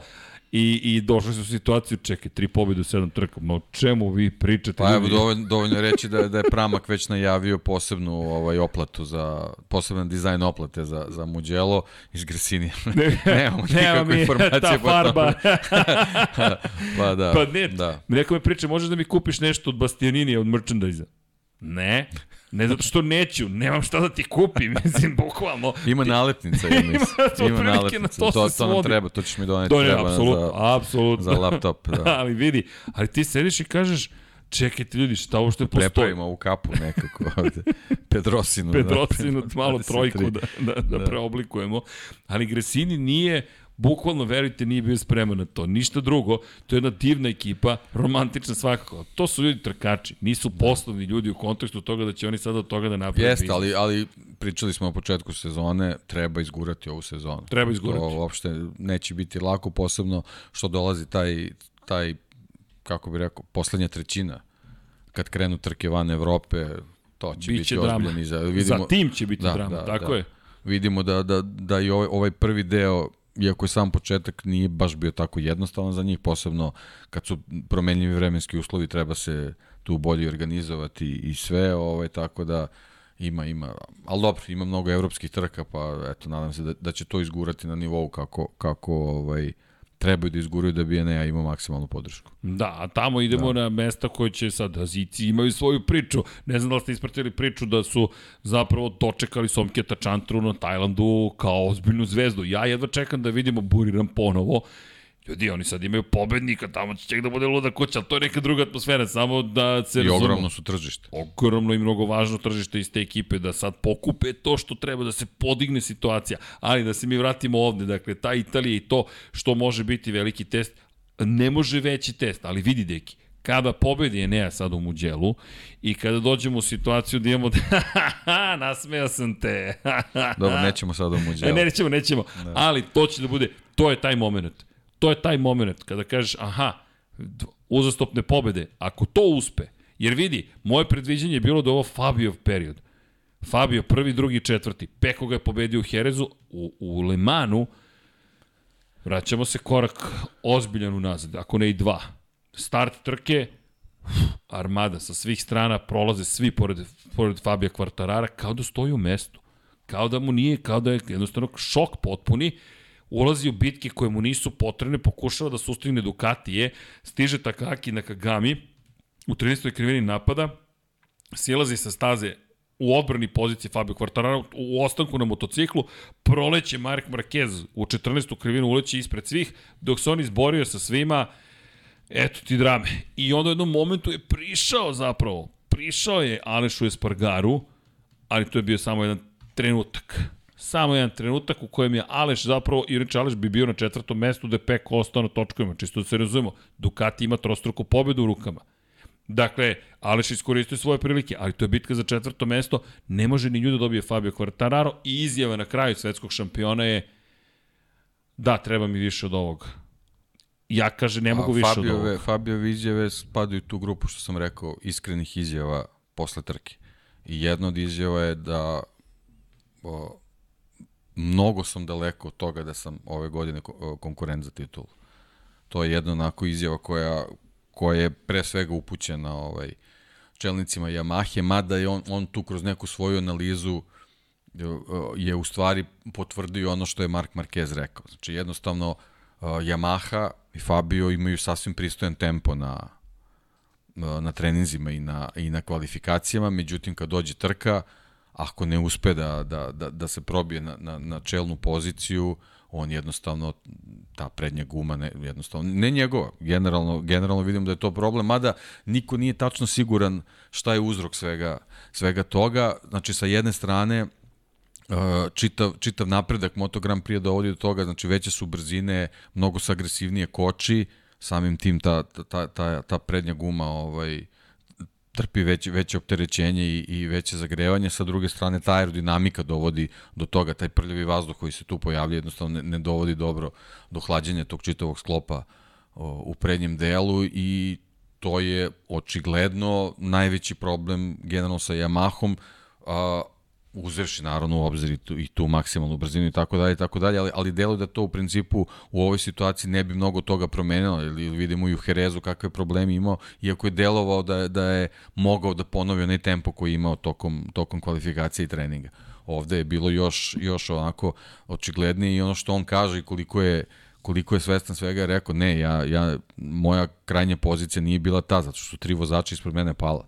Znači, uopšte se ne zanosim da sam bio na toj poziciji na kojoj jesam. Moje, moje mesto u ovoj trci trebalo da bude mnogo, mnogo lošije. U stvari, to je glavni problem i, i kaže zbog toga i trebamo da se zapitamo da li uopšte ja trebam za ove godine da slovim kao konkurent za titulu. Tako da to su onako baš baš prilično teške reči, opet s druge strane uh, uh, uh, pokazuje taj njegov, njegov šampionski mentalitet da je pre svega u stvari svestan situacije. Znači jednostavno nije, nije čovjek koji se predaje tako lako, jednostavno je svestan u kakvoj situaciji se nalazi i samim tim verovatno i vrlo dobro zna šta sve treba da uradi da bi, da bi mogao da, da nekako održi održi svoje rezultate na tom nekom vrhunskom nivou, ali ono što eto što nije mogao da uradi to je ono što, što u stvari najviše boli u Le Manu, a ono eto, nije posle gotovo 70 godina Francuzi neće imati pobednika na svojoj trci. Da, 68 godina 68 godina, pobednika. tako je. Tako Ali je. da se nadovežemo na ovu priču, sa začelja praktično ide veza,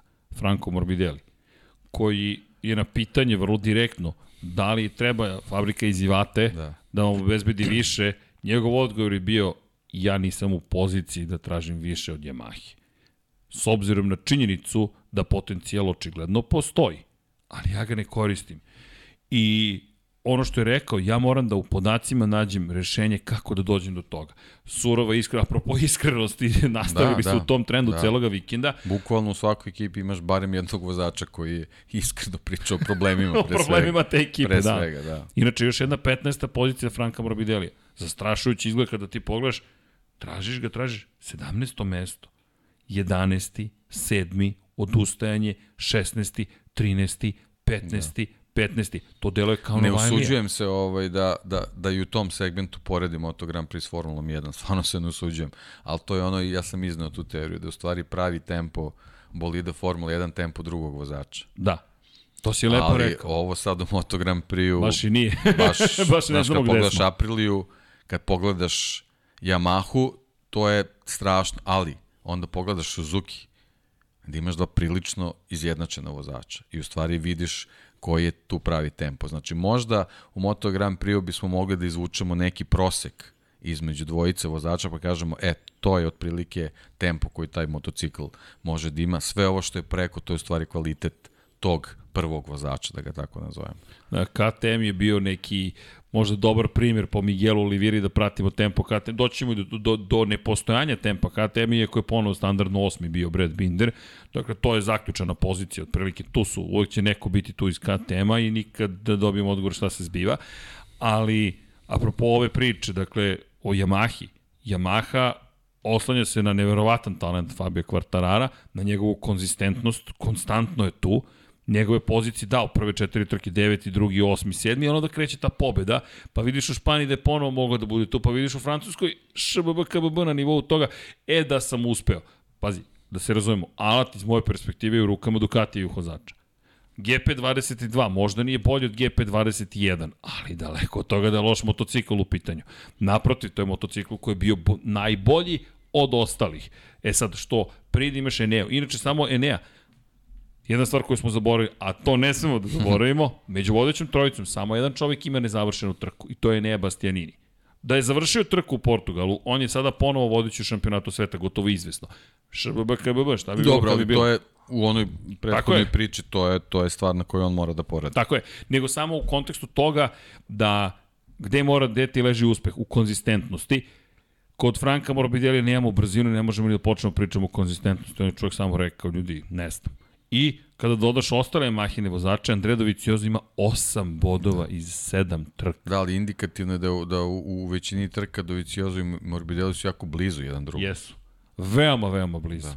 Čak ni tu ne postoji neka razlika koja nas, možda bi nas tu nešto dodatno zbunila. Jednostavno, ti kad vidiš da, da dvo, dvojica vozača takvu kalibra, praktično identičnim tempom voze taj motocikl, onda stvarno treba da se, da se svi oni zapitaju da li u stvari Fabio Quartararo samo čarobnjak, ili šta, ova dvojica su preko noći zaboravili da voze. Mislim, to je malo onako, pa, nije baš realno. Ne drži vodu. Nije baš realno. Ne, ne drži vodu. Da, posebno pa da kad se setimo Morbidelijevih vožnji na, na onom zastarelom isto motociklu, kad je bilo pre dve godine, ali tako? Jeste. Dve sezone već, već mešane Vidite sezone. Šampion, da, tako je. Da. Pa dobro, prošle godine pola bio da. operisan, da, nije vozio tako da, promena. Tako da, eto, ovaj, jednostavno neke, neke čudne situacije se tu dešavaju s Yamahom koje onako stvarno mogu da, da izazovu pomalo konfuziju, ali ono, eto, činjenica je da, da u, u sve te probleme Fabio Quartararo stvarno maksimum izvlači iz sebe i, i iz tog iz te Yamahe.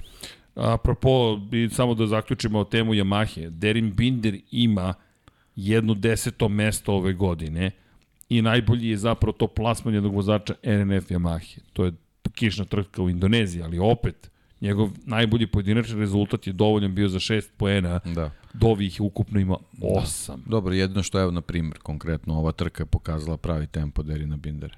Da, to jeste. To je pravi to jeste. tempo. Ali da. dosta je loši bio. Jeste. Dosta, baš je daleko, daleko iza bio na kraju. Ali prosto da ispoštujemo tu činjenicu da Apsolutno je eto, da. nešto postigao. Apsolutno Ali da. dobre su bile Novajlije, ajde samo kratko za Novajlije. Marko Beceki isti broj pojena ima kao Franco Morbidelli. Inače, Beceki koji, ok, nije bilo to briljantno, ali 12. mesto.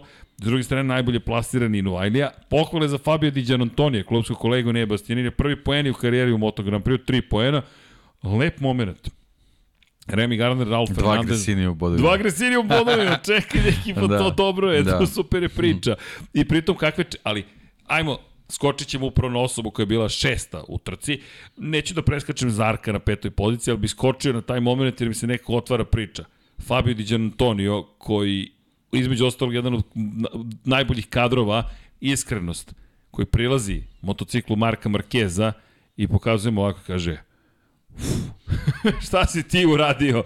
A Mark Marquez u osmoj krivini ne, ne može da spusti lakat jer ruka ne radi, ali mogu koleno da spustim i da se ipak nekako podignem, kao tri godine ranije, samo što sam tada imao i ruku i nogu funkcionalnu. On je čovjek je ne, ne, ne, neverovatan je, zaista. Čekaj, on je u nepadu ponovo, taj glagol smo usvojili nezvanično, izveo je još jedan nepad u krivini brosom, vikend za zaborav, vidjeli smo novu taktiku Marka Markeza, petak i dan za odmor, nemojte očekivati nikakav ljuti tempo, testiranje sektora po sektor, jedan brzi krug eventualno, onda mala pauza, štednja svog organizma, pričali smo o tome dosta tokom prenosa, preselio se u Madrid, ko ne poznaje okolnosti u Španiji, preseliti se iz Barcelone kao neko ko je ponosni katalonac u Madrid je nešto što ne radite ukoliko vam motiv... Nešto te ozbiljno Nešto nateralo, te, da. Tako je, motiv ti nije. I ne mogu da, da ne preuveličavam stvari, zaista. Taj, taj, ta emocija između Barcelona i Madrida kao gradova, koji je bolji, lepši, pametniji, zgodniji, kako god, Katalonija i monarhisti i slične priče, to, to je potpuno ludilo. I dođete u situaciju... Kako? A za tebe? Šta za mene? Barcelona ili Madrid? Znaš šta? Meni se Madrid više dopao, moram ti priznati. Madrid mi se Obrazloži. više... Ob, da, evo, evo, evo reći zašto. Izgledao mi je Barcelona, šta mi se kod Barcelone sviđa više? Potpuno otvoren grad. Ljudi, to je grad baš otvorenog srca. Nevažno je koje ste boje kože, visine, oblika, pa, porekla, jedan, jedan onako jedna mešavina svih kultura i sav je šarenolik i živ i to je ono što je super. Gaudi pritom mu je dao dušu koju, da, čujte, da nije bilo Gaudija, to bi bio grad. Ovako je Barcelona. Gaudi, za one koji eventualno nisu bili u Barceloni, ljudi stvorio te predivne trgove, stvorio je zgrade koje, od kojih mu stane dah, inspiriše njegov način Barcelona je principa. grad čiji urbanistički plan je urađen pre 150 godina i dalje se I poštuje. dalje se poštuje, To je inače. bitan deo rečenice, da. Tako je. Inače, ali, odakle potiče taj urbanistički plan, čisto kao inspiracija, čuveni Lisabon i Lisabonski čuveni, nažalost, nažalost zemlju tres, koji je dao jednom Markizu priliku da kaže čekajte da probamo nešto drugačije. Ajmo da postavimo pravo paralelno ovako bulevare i ulice poređamo takođe paralelno. Kreće to od Portugalije. Inače, za sve ljubitelje vina, Portugal je uveo zapravo klasifikaciju vina, nisu Francuzi. Čisto da znate, to kreće opet od zemljotresa.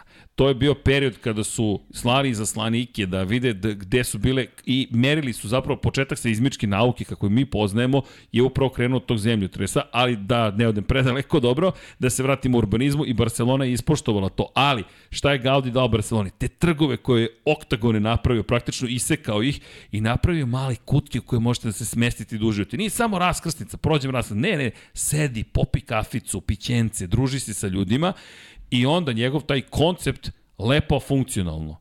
Lepo funkcionalno. Ti, vi kada pogledate njegova dela, to je sve prelepo, ali funkcionalno. Inače, neki od čvorova u Sagrada familiji nisu matematički mogli da budu potvrđeni njegovi proračuni sve do 90. neki kada su radili simulacije. Čovjek je bio Tesla arhitektura, ajde tako da ga nazovem. U svakom slučaju dao jednu posebnu dušu Barcelona. I iz te perspektive Barcelona ima neverovatnu dušu. Ali šta mi se dopalo kod Madrida? Ima neku priču koju nisam očekivao. Možda su mi očekivanja bila drugačija. Inače, Madrid je baš onako kraljevski, moćan, velelepan i tako dalje. Znaš šta me kupilo u velikoj meri? Spoj toga da ti imaš kao Times Square, praktično, to je ne Times Square, imaš praktično pozorište, kao da sam u Njurku, istovremeno sam u Evropi i čuveni moment, sedneš, popiješ pićence, pršutice, svugde praktično, svugde svi se, jel te, nogici, izvinjam se svim vegetarijancima, ali taj moment i ble, i naravno muzeji koji su nevjerovatno, svugde su, ali nešto mi se, nešto me kupilo u Madridu. Ima sam osjećaj kao da sam na moru, a nisam na moru. I to ti, ali to ti je nijansa. A meni nijansa. je to nedostatak. Jeste, to je nedostatak. Da. Ali nijansa. Bukvalno gledaš iza svakog onako brdašeca će sad nešto sad će da, da bude plavo, a toga nema. Ali i Gernika da. me dotukla. Da. Gernika, ne znam, ko nije video Gerniku uživo, a u prilici je ljudi, ja, ne, mene to strašno potresno je delo u pitanju, i taj, taj ceo moment, ali nije isto kada je gledate i kada je vidite uživo. Jednostavno, meni je ono, jedan vapaj uživo bio praktično i to me nekako, pot, po, to me sve nekako dotaklo. Ali ljudi, to je ta nijansa, to je na nivou bukvalno nijanse. Da li više volim Lab 76 roze majicu ili žute majicu? Fenomenalno jedno i drugo, samo što ima neku svoju drugačiju priču i, i ne znam, meni se mnogo dopala Valencija, na primjer. Meni, meni Valencija nekako e, pa romantična. Eto, ja zbog toga dajem blago prednost Barceloni. More. Zato što je Valencija blizu. Blizu, to to. A i u tom samom krugu, ako sebično, mnogo staze ima. Ima. Fakat. I jednostavno je doći. A nije ni da. Malaga da, daleko da, toliko. Da Kad kreneš tamo. Ja sam kriv za ovu digresiju. Samo da utvrdim. Čekaj, ali to je to. Ne, to je dobra digresija. Elen, da se mi vratimo. Mark Marquez se ocelio u Madrid. Don Pablo je dotukao situaciju. Mark Marquez se preselio u Madrid, samo govori o tome koliko on hoće da uspe da vrati funkciju te ruke. Tempo možemo i da pogledamo, ali suštinski... Nema tempa. Nema tempa. Da. Bokvalo nema tempa. Ovo je prvi grafikon u kojem možemo da pričamo o tome da nema tempa. I to se vidi. Kako prođe polovina trke, pada tempo. Pada tempo. On je i dalje umoran i dalje povređen. Samo u Zaksenringu možete da očekujete starog Marka Markeza krivine u levo, M po njegovoj prirodi stvari povrede tako da kada su krivine u levo lakše, I s druge strane, čovek je uvek volao da skreće u levo i voli dalje da skreće. Ovo je pravi naskar vozač. Ja predviđam u budućnost dobrog naskar vozača. Ima da pobeđuje Indikaru i naskaru. Ali šalu na stranu, ja mu držim palčeve i on je bio brutalno iskren tokom ovog vikenda i rekao je, pa ne, nema, nema tu šta, kiša bi mi pomogla, ali nije, nije, nije, ni bitno da li ima kiše ili nema kiše, moje da naučim kako da upravljam ovim motociklom. I ja još uvek to ne uspem da uradim. Nije bilo napredka, o tome smo pričali, to je ponavljao celog vikenda ni u Herezu. U testiranju, kada pogledaš stanje Honda, ono što je tu dalje dramatično, nema je nigde. Nema stanja Honda. Honda nije nigde. Honda jedino što pregovara sa Aleksom Rinsom i sa Joanom Mirom. Pola Espargaro čini se da tu neće biti nastavka saradnje. Samo bih dodao, apropo Rinsa, Rins je potvrdio, pazite šta je potvrdio. Pregovaramo sa Aprilijem, sa Hondom, KTM-om i Yamahom. Ok, ili ima neko još da ne pregovarate sa njime u celoj toj priči? I onda kažeš, pogledaš i kažeš, čekaj, šta se sad ovde događa? S kim vi to sve pregovarate? Bukvalno sa svakim. Gde god stignemo, svaki kamen ćemo da okrenemo i pokušat ćemo da, se, da, da dođemo do nekog nivoa koji je adekvatan. Jedini tim koji se ne spomenje kod Suzuki, kod, oprostite, Rinsa je Ducati Samo sa Ducatijem trenutno ne pregovaraju. Čisto da znate ko je sanjao Rinsa na Ducatiju, trenutno kako stvari stoje, to se neće desiti. Što ne znači da možda Fabio Quartararo neće završiti na Ducatiju, to je neka spekulacija sada najnovija, čisto da dolimo malo ulje na vatru. Ali da se mi vratimo na Hondu, Honda mora nešto da promeni svakako.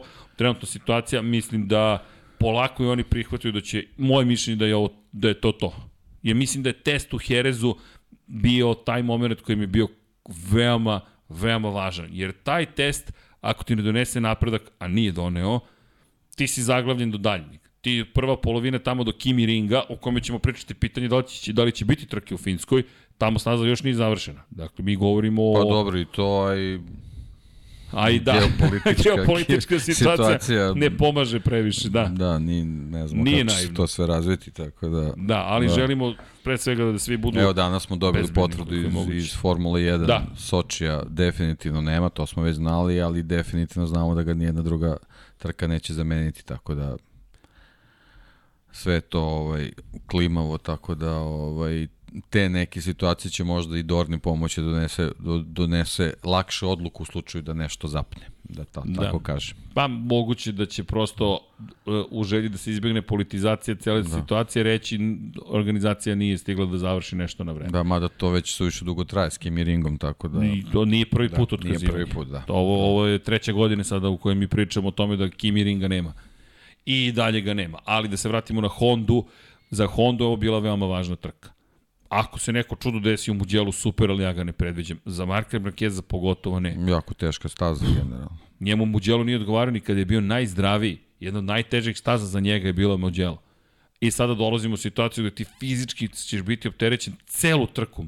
Ti imaš kao pauzu na, na startnom pravcu, ali i taj startno ciljni Ne, pravac to je suviše kratko. To, Tako je. Suviše kratko da bi on tu mogao da, da ima oporavak. Nije to Barcelona, idem pravo pa se spustim pa skrenem. Ne, ne, ne. A zadnji pravac je nije pravac, tako da Ne. za njega jako teška trka. Jeste, baš, baš ga treka teško. Trka u svakom slučaju, poeni su tu, ali to nije razlog zašto Mark Marquez učestvuje u šampionatu sveta da osvoji još novih 10 poena. 10 je u prvenstvu. Podijum pobede, E, to, je, to je ono što ga zanima. Izvini, od iskrenih izjava. Kada su mu rekli, dobro, sada zaostaješ 48 poena za vodećem u šampionatu. Samo. Bukvalno njegov komentar bio iskren. Samo. Nije ni računao i bukvalno su ga uhvatili ka- 48 poena. Samo? Jeste, jel ste sigurni? U, super. da, to bukvalno. Čekaj, to u njegu u nekom drugom životu to je, pa ovo mogu da nadoknadim, čekajte ljudi. I ti kada pogledaš zaista, Marquez samo 8 pojena manje ima od Jacka Millera. Ej, samo 8 pojena manje od Jacka Millera, a mi pričamo o katastrofalnoj sezoni Marka Markeza. A on može da skoči na peto mesto u šampionatu sutra. Inače, u ovom momentu 8 pojena deli vodeću trojicu na 33 pojena za ostatka Alex Rins negde jedini između i 40 pojena za ostatka za Millera, za Zarka 46 za Banjaju, Bindera i Mira, 48 za Markeza i onda preko dve pobede razlike Oliveira, Espargaro, mlađi i tako dalje i tako dalje. Ali zastrašujući ideja, bukvalno da čovjek je 8 pojena samo iza Jacka Millera, koji je inače Dva iza, iza Banjaje. Dva iza Banjaje.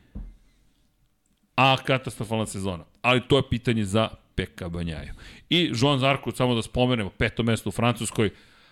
Lepo, okej. Da, dobro, bio onako naoštrio se, ali eto, to je nekako Kazna. tre- trenutno izgleda, da. da Ali da, kazna. kazna, kazna, Kazna dosta poremetila zato što jednostavno je tu na startu isto pao zbog, zbog Jeste. toga bilo jako teško proći, mislim nije start na, na Le Manu nije toliko baš pravolinijski, onda je malo tu bilo nezgodno, ali ovaj, šteta, mislim, jednostavno baš je, baš je delo onako Pa- raspoloženo i naoštreno, da. To je opet taj, dobar je Da. taj tempo. Ima dosta 32, 2, 2, 1, 2. Hvala inače Dragoju Stanišiću ponovo, ali pogledajte tih prvih par, par krugova, ti si sve izgubio na startu u suštini. To je to mučenje. A kažem je zato što u kvalifikacijama zaista bio neoprezan. Između otkrivene 3 i 4 on pušta gas, nailazi Pole Spargaro i uništava krug Pole Spargaro. Izvinio se on, ali uništen je krug Pola Espargara, njegova trka koji se generalno uništena. muči i sam, tako da taj jedan krug mu je baš trebao. Da, Pola Espargaro, no da. comment. 11. Da. pozicija, katastrofalno izdanje još jedno. Da. Takaki Nakagami prirodom povrh svega ti se pojavi Takaki Nakagami, druga trka za redom koja je Takaki Nakagami sedmi. A i ogura da. efekat možda.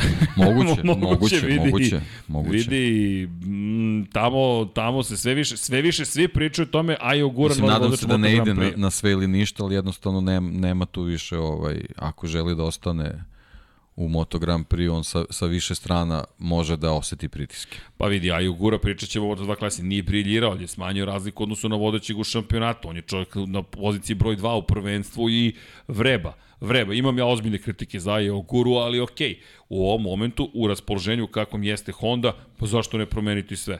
Zašto onda jednostavno ne uzeti i reći ajmo da prodrmamo, da razdrmamo celu kategoriju i sve ono što se događa kod nas. Honda i dalje poslednja u šampionatu konstruktora. Honda na 67 poena, 89 manje od Ducatija katastrofa, bukvalno. Honda ima 13 pojena manje od Suzuki-a. Honda ima četiri fabričke mašine na, na, na startnom poredku. Suzuki nije osvojio ni jedan jedini poen u ovoj trci. Da, pao je na poziciju broj 5 u šampionatu konstruktora, ali Honda i dalje ne može da ga stigne. Inače, jedini konstruktor cele sezone koji je imao trku, koji nije osvojio ni jedan jedini poen je Suzuki. I Honda i dalje ne može da ga pobedi. Katastrofalno stanje, samim tim vrlo moguće da može da se desi ok, potpuna promena, ide i Takaki na Kagami. Ali eto, da konstatujemo sedma pozicija za Takaki na Kagami i Brad Binder rekli smo osmi, Ne znam deki šta da kažem za KTM. Jedina vest koja se pojavila o KTM-u, zapravo imate tri vesti u suštini koje su se pojavile o KTM-u. Da Jack Miller navodno pregovara sa KTM-om da pređe u ekipu. RV Poncharal inače dao opet iskrenost. Tema večerašnjeg podcasta. RV Poncharal je rekao, ljudi, oba moja vozača imaju ugovor sa KTM-om. RV Poncharal uopšte ne bira svoje vozače.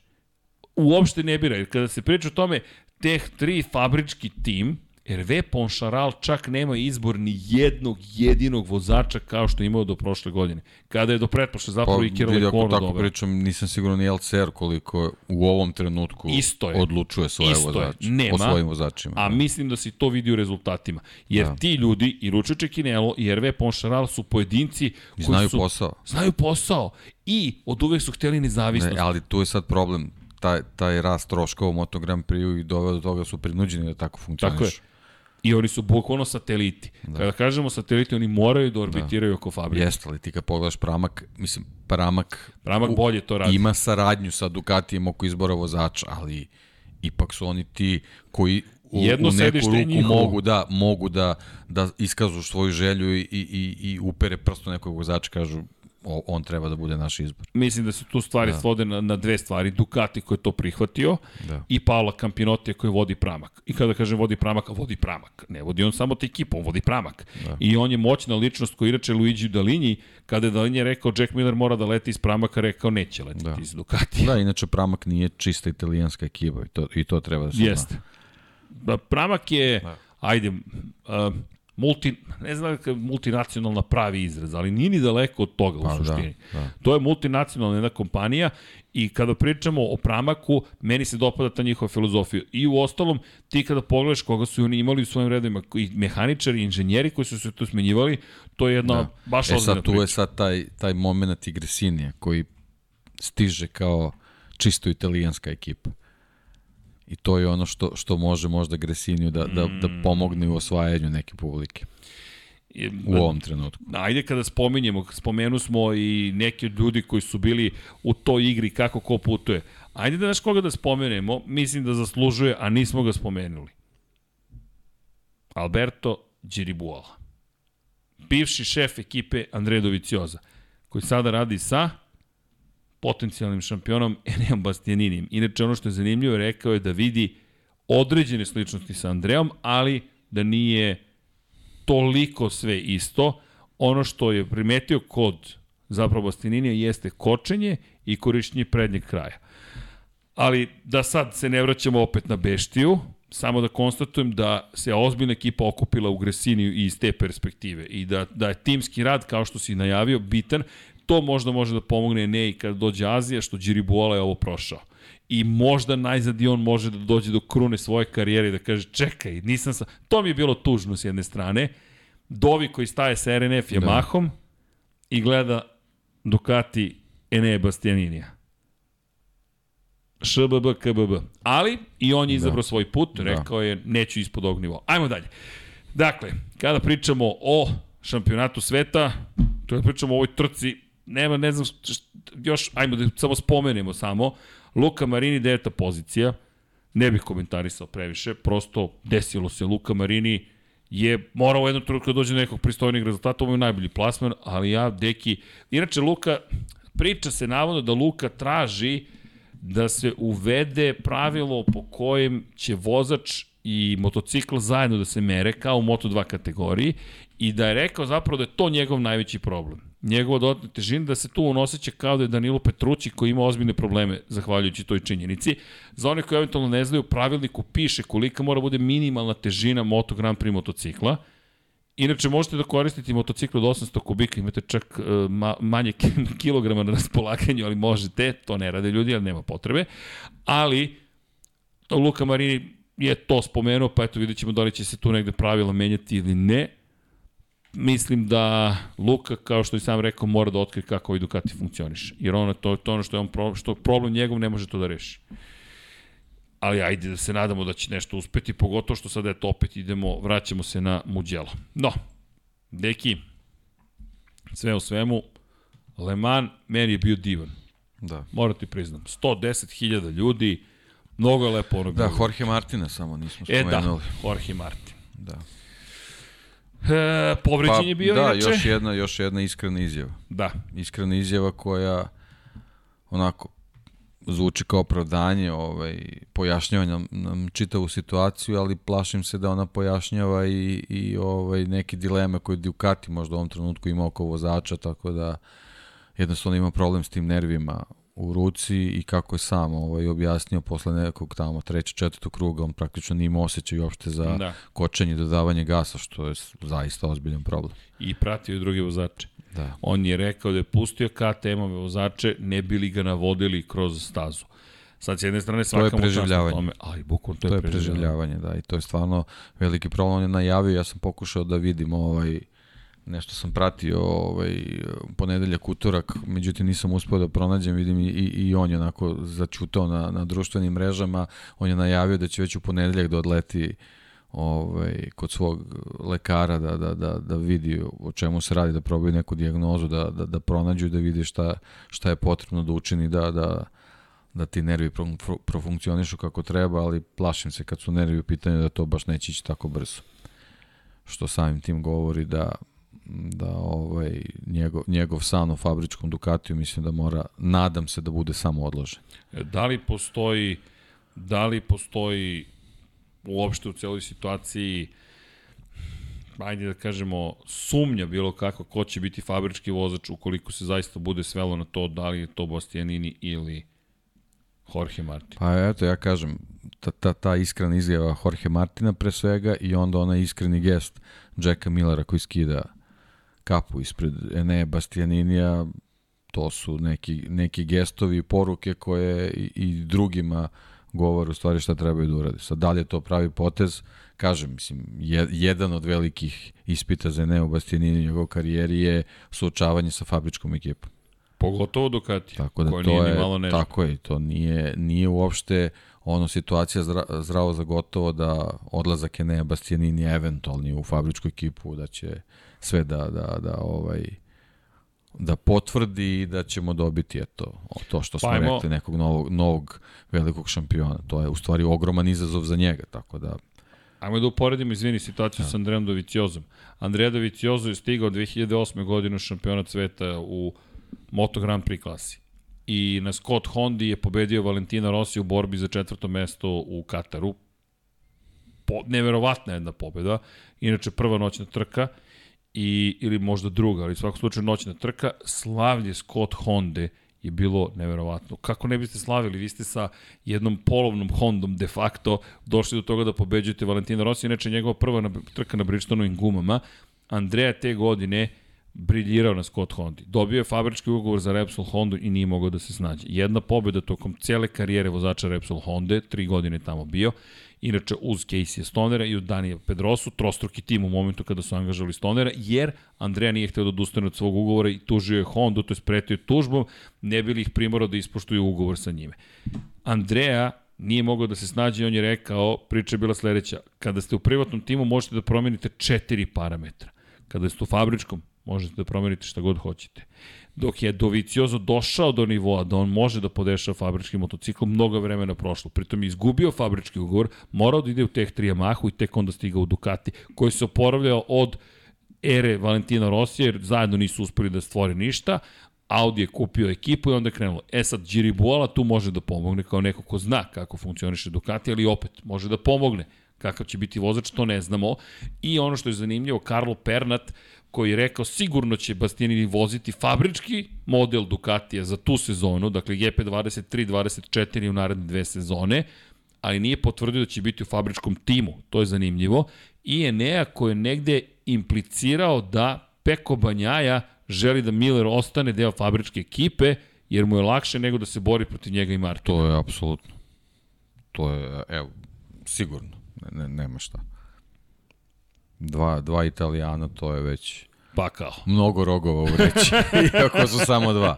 Da, da. ali... Samo, Jack, samo eto, u istoj ekipi, samo da se setimo jedno one Dovicioza.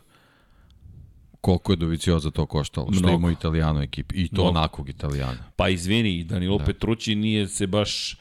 Tako je, Nije baš bio najbolji Tako prijatelj Andreja Dovicioza u. Muđelu kad je uleteo u njega i Markeza. tako je. Da Andreja je to rekao, ok, ono je bio neoprezan manevar. Iako nama Tako, spektakularan. to je onako, neoprezan. to su onako sveže rane, da ih nazovemo tako da, Ne znam da li će to hteti. tako je. E, I samo da napomenu jednu stvar, e, bilo je izvinjam se, donacije i pitanje. Stefan Serdar, pozdrav, 446 dinara, to su Dovi i Valentino, verovatno. Pozdrav, da li će biti moguće u Muđelu ući u padok tokom trkačkog vikenda i kojim danima? Ne znam, još uvek pregovaramo sa Dornom. Dorna od ove godine insistira da svaki ulazak u padok bude, apropo priče o tome da MotoGP postaje Formula 1, tražili smo... Da, to je još jedan segment. Još jedan segment, još jedan segment, ali ona prethodna Formula 1, evo u Majamiju je Formula 1 dozvolila manje više da svi ulaze u padok. I vozači su bili šokirani s jedne strane, bila je gužva, ali odjednom skače vrednost Formule 1. Zašto? Lepo je to možda iz perspektive mira i tišine prazan padok, ali na show biznis kako utiče? Eh, ne baš najpovoljnije. I još jedna stvar, Formula 1 nije MotoGP. Formula 1 će uvek biti Formula 1 koliko god MotoGP pokušava da bude nešto drugo. Ne treba da bude nešto drugo. Takav kakav je, je lep, savršen. Inače, Dorna izbacila najnoviju studiju u, kojem, u kojoj želi da dokaže da to što je bilo pola gledalaca od očekivanih u Herezu, nije nikakav problem, jer kada se saberu svi digitalni, analogni mediji, elektronski mediji, zapravo gledanost je bila 680 miliona ljudi u Španiji. Rekao, ok, ljudi, ako ćemo tako da sabiramo, to je nevjerovatno. Da, gledano, slušano i tako dalje. To je besmisleno. To, ajmo da merimo takozvani reach. Ajmo da vidimo jedinstvenih gledalaca koliko je bilo u Španiji. I Dorna, kad ga ovde izbati, to, to je onaj moment, nemoj da se ukopavaš. Tako je kako. Imao si savršen vikend velike nagrade Francuske, uživaj. Nadaj se da će u Muđelu sve biti rasprodato, da možeš da kažeš, ej vidi, Moto Grand Prix i dalje nema taj problem. Nema nikog, kao da pokuša da nas ubedi, nemoj da verujete svojim očima, nešto drugo se dešava. Ne, hvala. Verujemo svojim očima. Šta je pojenta?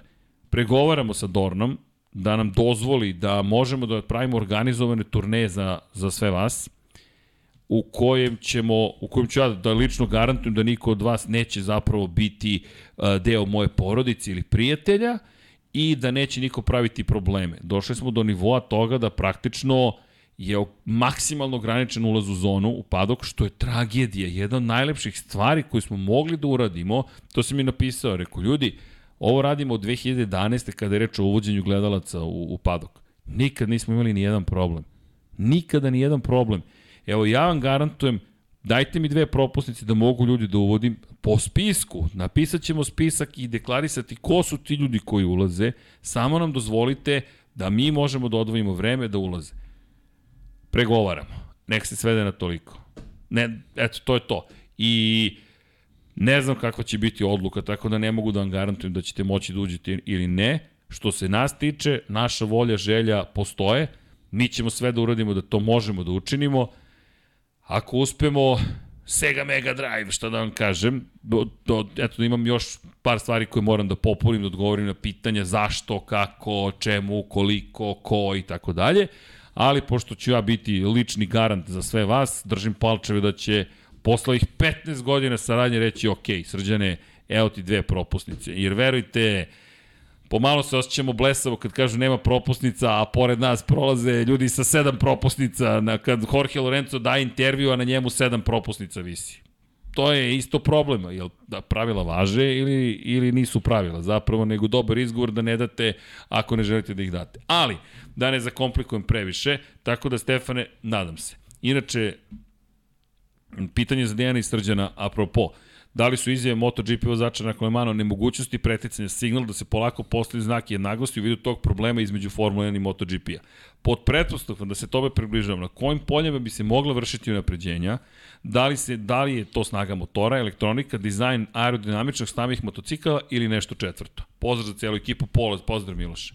Pa, generalno ovi problemi su se javili sa razvojem aerodinamike. Da, I sad ja nisam siguran da koliko su sad svi spremni da, da odustanu od toga, da se vratimo na, Nisu spremni uopšte. na neke korene. To jednostavno nije, nije u duhu perjanice bilo kog sporta, da, da ti sputavaš u potpunosti inovacije i, i avangardu i napredak, posebno ako dobiješ uh, zbog svega ovoga što ima Moto Grand Prix, da dobiješ recimo neke atraktivnije motocikle izgledom uh, u serijskoj proizvodnji nego na, na Moto Grand Prix gridu, tako da teško da, da, da to može da Pa- da tek tako prođe, da sad preko noći se to sad sve obriše, šta, šta se razvija u pre, razvijalo u prethodnih deseta godina. Tako je. Ali činjenice da je ovoliki razvoj tehnologije doveo do toga da imamo mnogo motociklističkih fabrika koje ne mogu da prate ovaj finansijski razvoj ovo što da se dešava u, u, formuli, u, u Moto U Grand formuli, U formuli, u da. formuli lapsus, apsolutno. Da.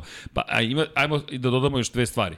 Jedna jeste aerodinamika, to ono što je Deki rekao. Aerodinamiku stvarate da biste bili brži, onda pravite aerodinamiku koja će da potire aerodinamiku onoga koji je ispred vas. I to je objasnio Fabio, to su svi objasnili.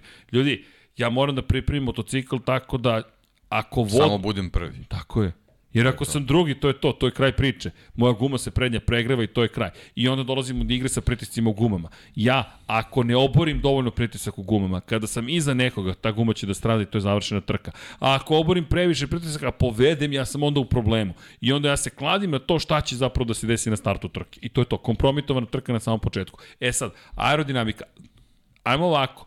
Koja ekipa najviše trenutno uživa u pobedama i da kažem u šampionatu konstruktora dominira. Ducati. Ljudi, Ducati, vrlo jednostavno.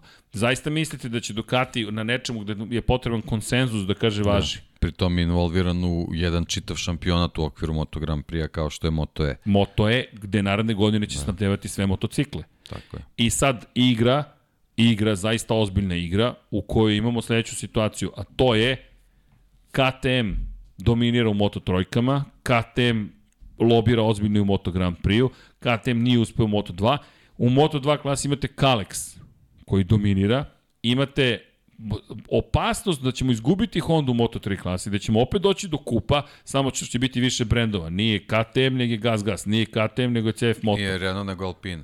to ti to. I mi dolazimo do, do toga da imamo četiri zapravo kategorije kup takmičenja. To nikome ne treba. Ali, Deki je to sve već objasnio.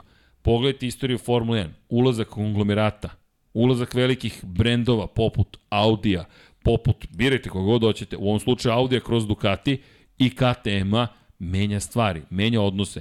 Jer KTM, koliko god sve to simpatično, mala austrijska kompanija bori se sa japanskim gigantima.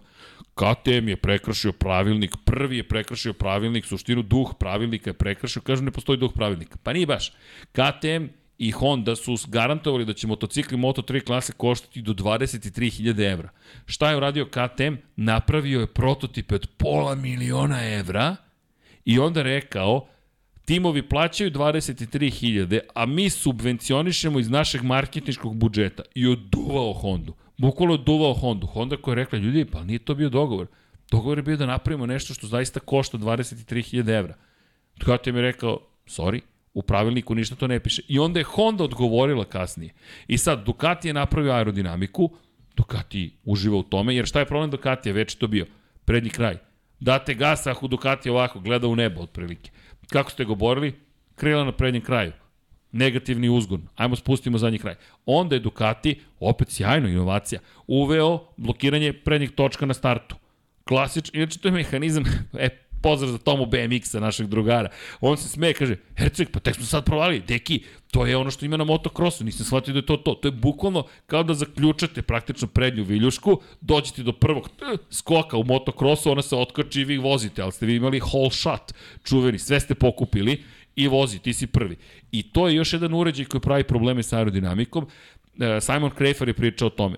Gotovo 10 stepeni Celzijusa, za 10 stepeni Celzijusa poraste gu- e, temperatura prednjeg pneumatika u momentu kada se obori zadnji kraj motocikla koji vi pratite.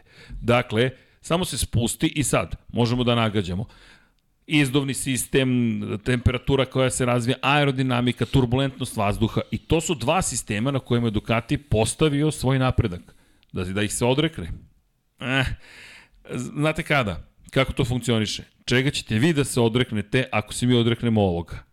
I to je klasična trgovina. I Ducati ima dobru poziciju. Ko ima trećinu motocikala u Moto Grand Prix-u? Ducati. Tako da, igra je tu vrlo ozbiljna.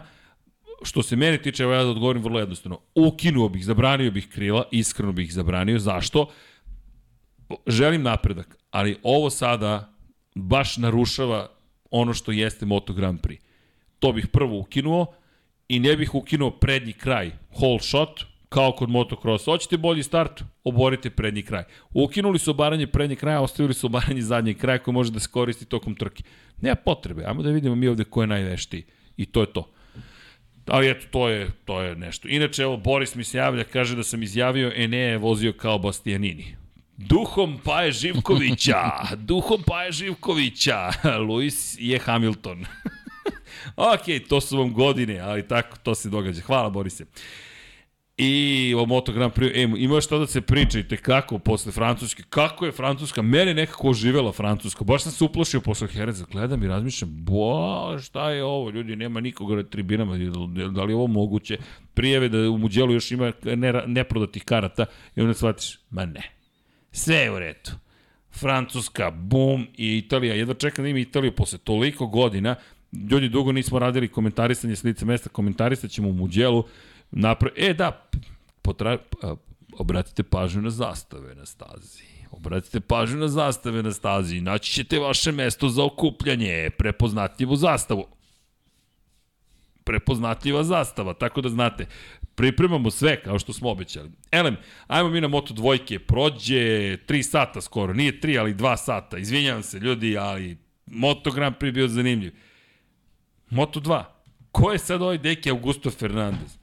Čekaj, pričaš o... Vidi, ja moram da budem ovaj, potpuno zadovoljan ishodom trka u, ovaj, u Le Manu, jedino me Granado ovaj, razočar, ali, ali Masija, Augusto i Enea, sve si, sam sve si da. pogodio, da, da, buku da. si pogodio, predvideo. Pa dobro, da, ali za neke druge trke. Ali, A dobro, da, ne, ovo, je, ovo je bilo super, ovo je bilo super, da. Augusto da, da. i pa Pedro dobro, Acosta konačno, zajedno. Konačno, konačno. Red Bull KTM. Preradili, da, preradili su onako kako smo i očekivali, kao da smo imali neke preslikane trke od prošle godine, osim, osim ovaj, pada, ali nema veze. To je, mislim Ej. da to i dalje spada u proces. Meni je ono simpatično i drago mi je bilo što onako reago kad je ustao onako jedan dobar udarac sebi po kacigi. Mislim da je prilično zapamtio taj moment i da je, da je to ovaj, da je to ovaj signal da, da ćemo u budućnosti jako malo gledati takvih grešaka.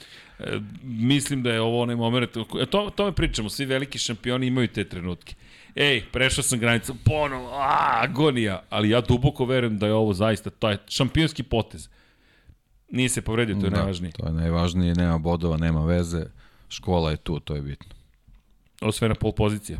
Takođe, veoma važno, i ono što je bitno, a to je da zapravo u celoj priči mi sada imamo ekipu koja se vratila u igru. I Augusto Fernandez, jedina mana su bili režiseri i, i tiha jeza režije. Dakle, Eneu mogli ste da vidite kako prelazi liniju cilja, a Augusto ste mogli da pratite jedno dva kruga, iako se vodila bitka za treće mesto, ali ne veze.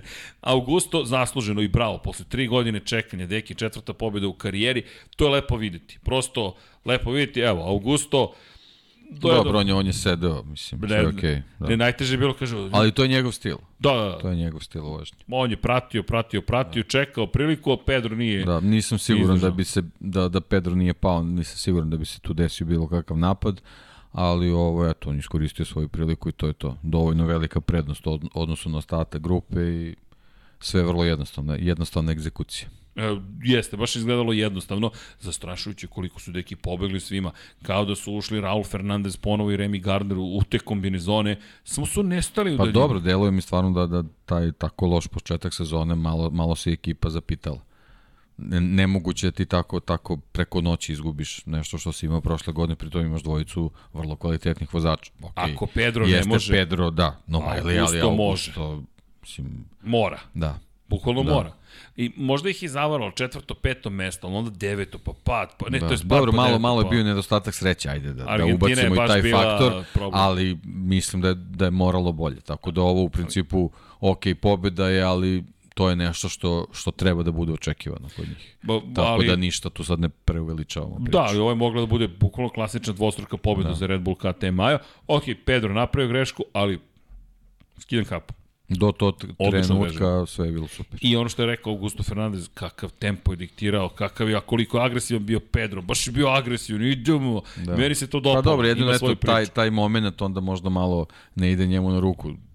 Nije dovoljno pratiti samo neko, trebaš u nekom trenutku i ti da nametneš tempo, ali on očigledno Mizano je staza gde on ume da, da nameće tempo, ovo sve ostalo očigledno traži druge repere kod nekog drugog.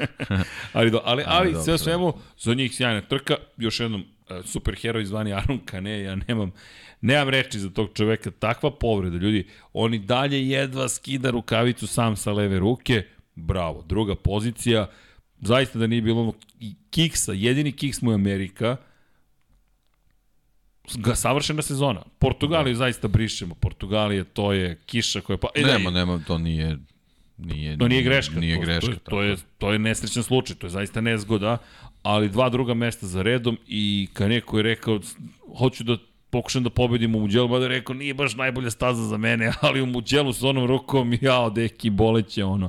Ali držimo mu Dobro, palče. već prolazim vreme, Tako nadam je. se da, da i taj oporavak već ide kako Ali treba, se. tako da mislim da mu je dobro došlo sa što ima ovu malo pauzicu. I ono što je super za njega bilo, a i za sve, što će Lestino Vijeti ima jedan problematičan vikend, da za 12 pojene smanjio razliku odnosu na Ćeleja, koji, evo, bitka za titulu. Celestino koji odskočio je tamo u Portimao, Herezu, onako, problemi i nastavio je taj nepreterano dobar trend i u Lemanu. Ovo smo predvideli, još u Portimao smo predvideli, to je kada smo stigli u Evropu, pričali smo o ome, da za Celestina Vijete dolazi pravi test. Koliko god svi govorili zašto odvajate trke u Evropi, to je isto šampionat, isti broj poena. Jeste, ali i nije. Ovo su staze na kojima se drugi osjećaju veoma sigurno. U tome je pojenta. Ne ističemo mi to zato što to geografski nešto bitno. Ne, nije Evropa bitnija, nego je to mesto gde su svi mnogo vozili, gde su svi mehaničari na okupu, gde su vam staze poznate, toaleti su im poznati, koliko to možda bizarno zvučalo. Ljudi, verujte, kada odete prvi put na neku stazu, Ma nemate pojma ništa gde se nalazi. Pogotovo prvi put Gubite kad... fokus oko nekih nebitnih stvari. Nebitnih stvari, tako je. Evo, mi kada stignemo negde, ok, mi sada već, ok, i znamo svoje rutine, ali kada prvi put stignete, Nekad prvi put dođeš, eto, iz naše perspektive, kad prvi put dođeš neku stazu, imaš zakazane neke intervjue i sad imaš recimo 3-4 intervjua, meni se jednom desilo, imao sam intervju u, u 15 minuta. Ja shvatim da će meni trebati 15 minuta da stignem do drugog mesta. Pritom ne znajući da sam znao ili bi pomer ili bi otkazao i onda sa jedne strane sad žuriš, da nešto završiš, a opet sa druge strane znaš da možda neće stići da počneš na vreme. Sad, da li, da li žrtvovati jednu stvar ili, e, tako da mislim dobro, banalizujemo sad priču, ali otprilike to je, kad dođeš na neku stazu, posebno taj, taj prvi dan, to je onako baš, a kad dođeš negde gde, gde, gde već ono, godinama si unazad i bukvalno žmurečki, nisi još ni stigao na stazu, Pa ti ti si u glavi već projektovao svoj dan, Tako već, već znaš šta ćeš raditi. Tako je vizualizacija. Tako Zato je tako Evropa je. tako velik test. Zato što ovde drugi mogu da dođu do izražaja. To ne znači da Celestino opet neće dominirati kada odemo u Aziju, pa kaže, ok, ovo su sad mesta gde se ja bolje snalazim. Pa dobro, ali to ne mora da znači, mislim, to je Ne možda mora. neki splet okolnosti bio. Ja Ko sam zna. onako navijao stvarno da je, je VR46 u stvari toliko dobro sad spreman da, da ovaj, eh, da, da, da mu pruži dobar motocikl, ovaj, ono što što Bec nije, nije možda imao prošle godine, ali očigledno da je ovde malo, i- malo i do njega. E, da. Da. Ovo, je, ovo je već do vozača. Da. I, Jer ne, ovde imaš sad već jednu ozbiljnu grupu vozača koja ovaj, I i pazi može sad, da ima ozbiljan tempo. deki, ajmo ovako, prve tri trke, pobeda, drugo mesto, pobeda. Zatim da. padaš u Americi, u Portugali ti si de facto 11. Nisi ti drugi, iako si završio drugi posle pada polovine šampionata, pa- polovine vozača u šampionatu, ti si bio 11. 9. To je bitka za neke niske pozicije. Do kraja trke da si šesti, to je dalje loša trka, prosečna ako ništa drugo. Zatim budeš šesti u Španiji, to je treća trka za redom u kojoj da. ti nisi na nekom ne- nevjerojatnom nivou i sada budeš osmi. I to osmi, Da. 18. u kvalifikacijama, probiješ se napred, siđeš sa staze, vratiš se, imao si i sreće da su opet da. padali ljudi. Toni Arbolino, kakva savršena prilika da se ti nametneš u šampionatu sveta, Toni izleti sa staze. Da. Ovoga puta sam izleće, za razliku od Portugala, njegova greška. Sam Lowe's nije stigao do trke. Ne vredi više pričati o, o, Ne, o da, ovoj to je- sezoni Sama Lowesa. Šteta. Ma ja se plašim I o karijeri. Da, da. Pa ja Mark Ti si Vedes, izgovorio, okej. pa izgovorit ću.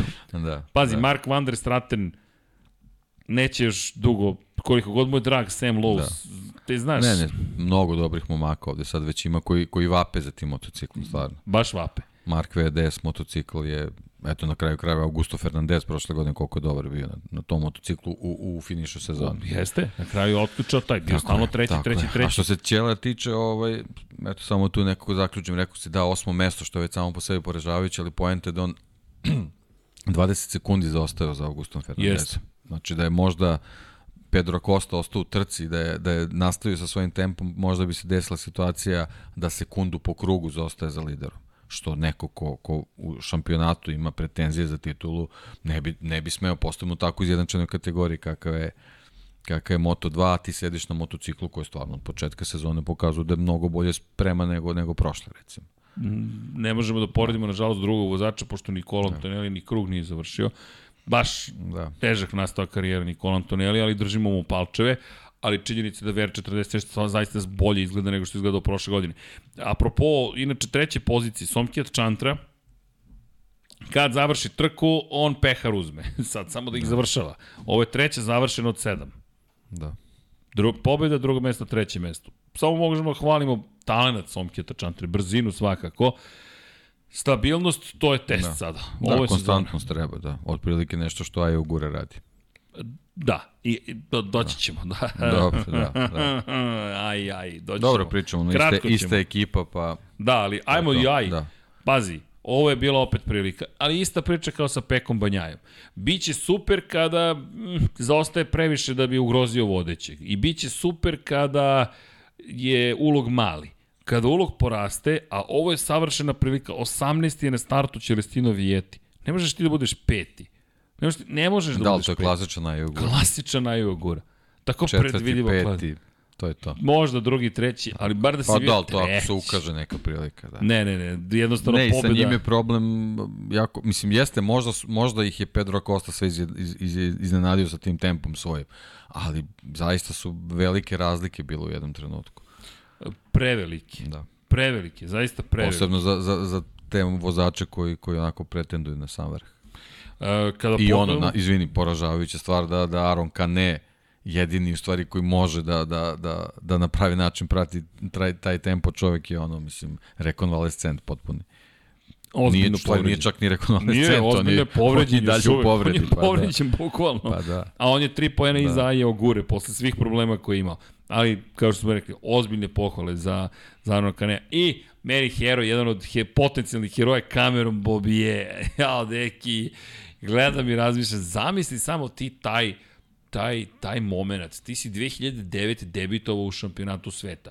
Stigao si u 125 kubika sedišta. U to vreme već veoma poznatim, talentovanim Markom Markezom u ekipi Akija Aja, voziš prvu trku u prvu sezonu u šampionatu sveta svoju i kažeš posle toga idemo nazad za Ameriku.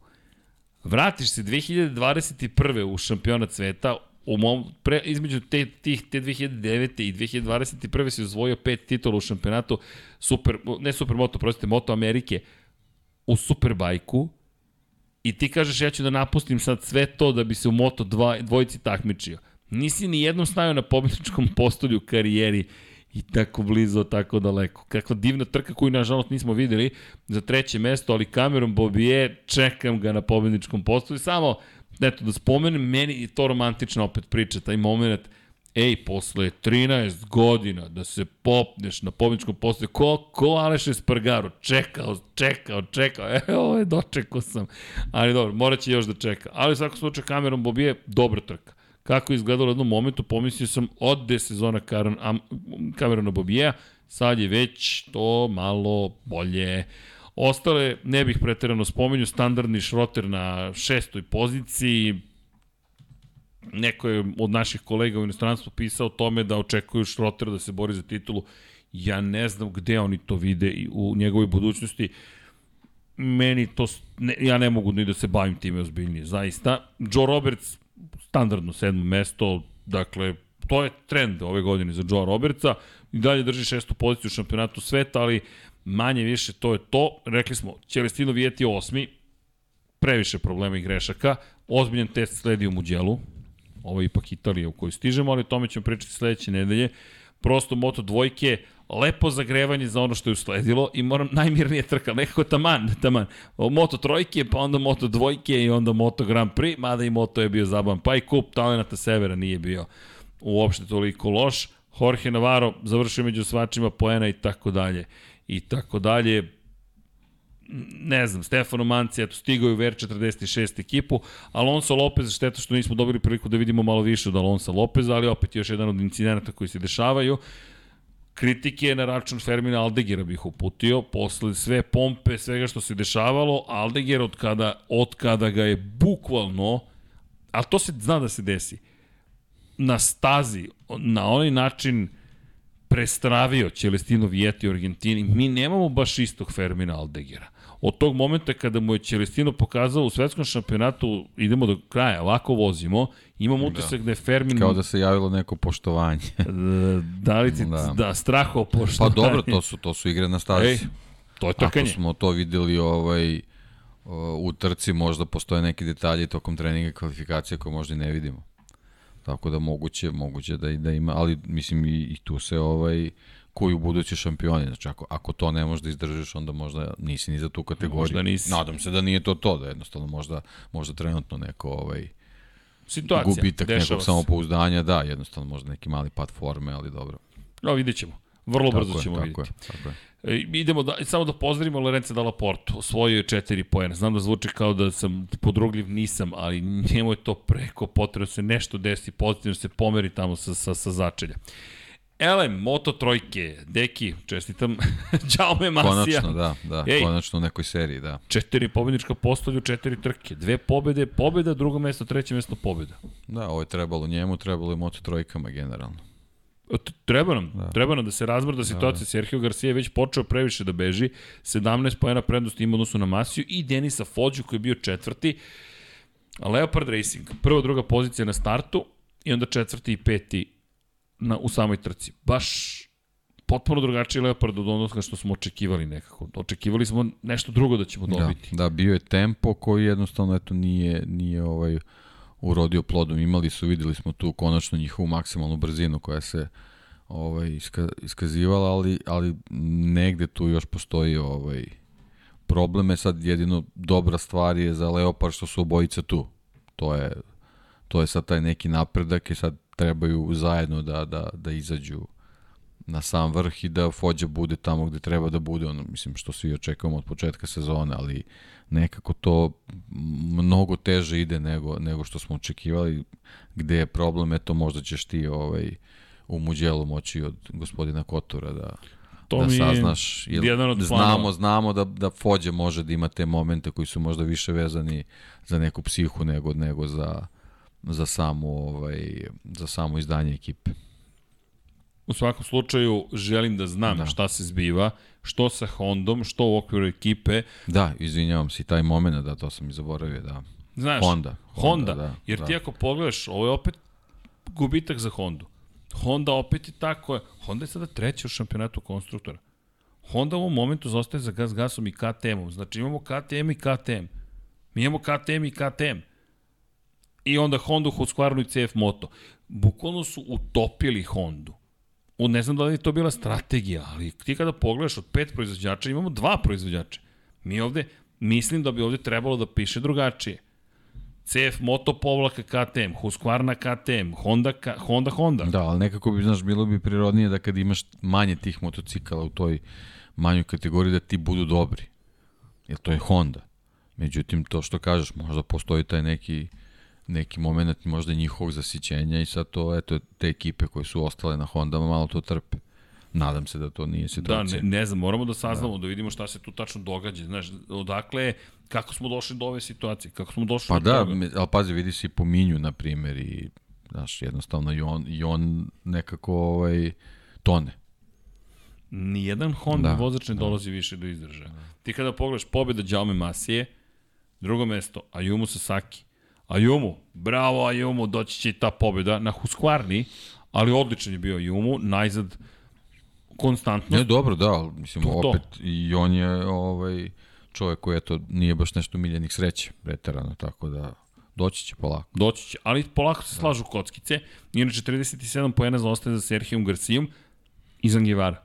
Posle pobede treće mesto. I to ono što smo pričali, izan Givara može biti baš ozbiljan ove sezone. Samo dobijemo potvrdu najveće kritike, kritike, najveći problem bi sebi napravio zapravo Sergio Garcia. Opet, moraš u Moto trojkama uvek da nađeš... Nekako svaki put kad je pritisak, on to nešto ne ume da reši. To, to, mi, ovaj, to mi malo smeta kod njega. Ne deluje kao čovjek ko... Deluje mi kao da se zaista plaši uspeha. Da.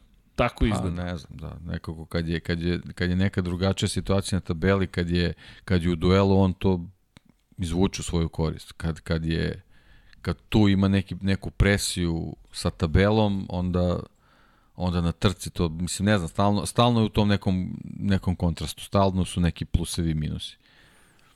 Imam Ali... konzervu, nemam otvarač. Ok, to nije do to. nije loša analogija.